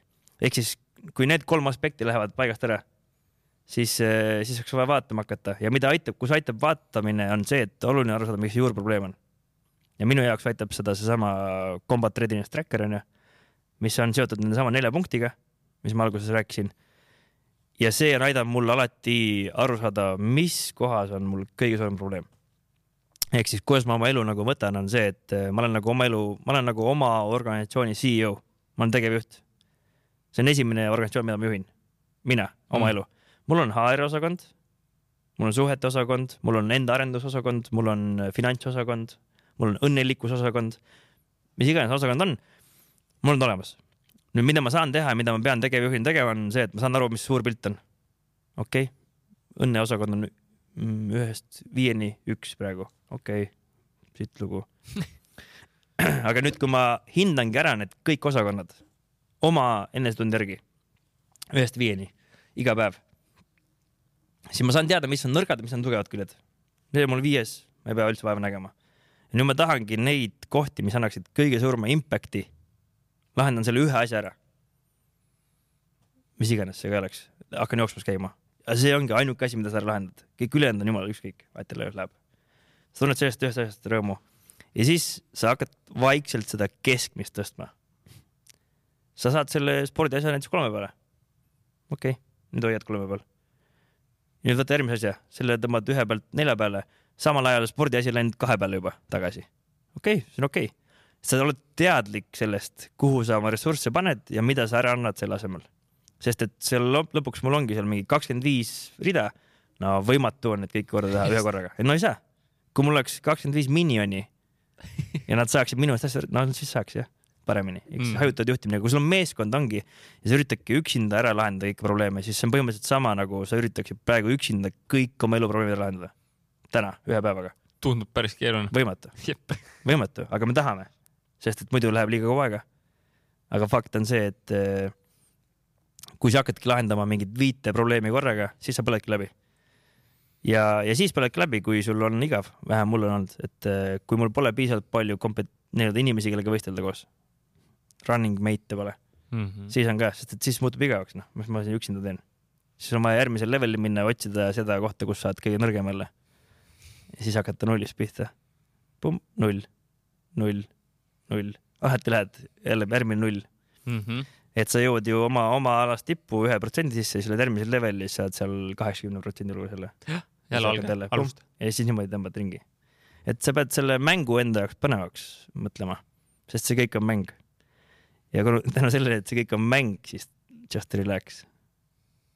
ära liiga tõsiselt ei ole mõtet võtta seda kõike, mis siin toimub, sest see kõik on mingi suure paugu järgi tekkinud, nii et mis on kõik on nii aju, ajuvaba niikuinii, nii et ei ole mõtet üle mõelda Need on nii kuldsed sõnad, millega lõpetada ka, et Remo suured,, suured-suured tänud, et sa tulid, sa jagasid seda nii-öelda enda nägemust ja Choco nägemust ja see, mida te Combat Rediga teete, on lihtsalt super. Eh, ma ei ole veel eh, teie koolituse läbinud, aga ma kindlasti tulen ja käin need ühel ilusal eh, päeval läbi ja püüan ise ka kogu aeg aina paremaks juhiks saada. aitäh sulle. Fuck yeah.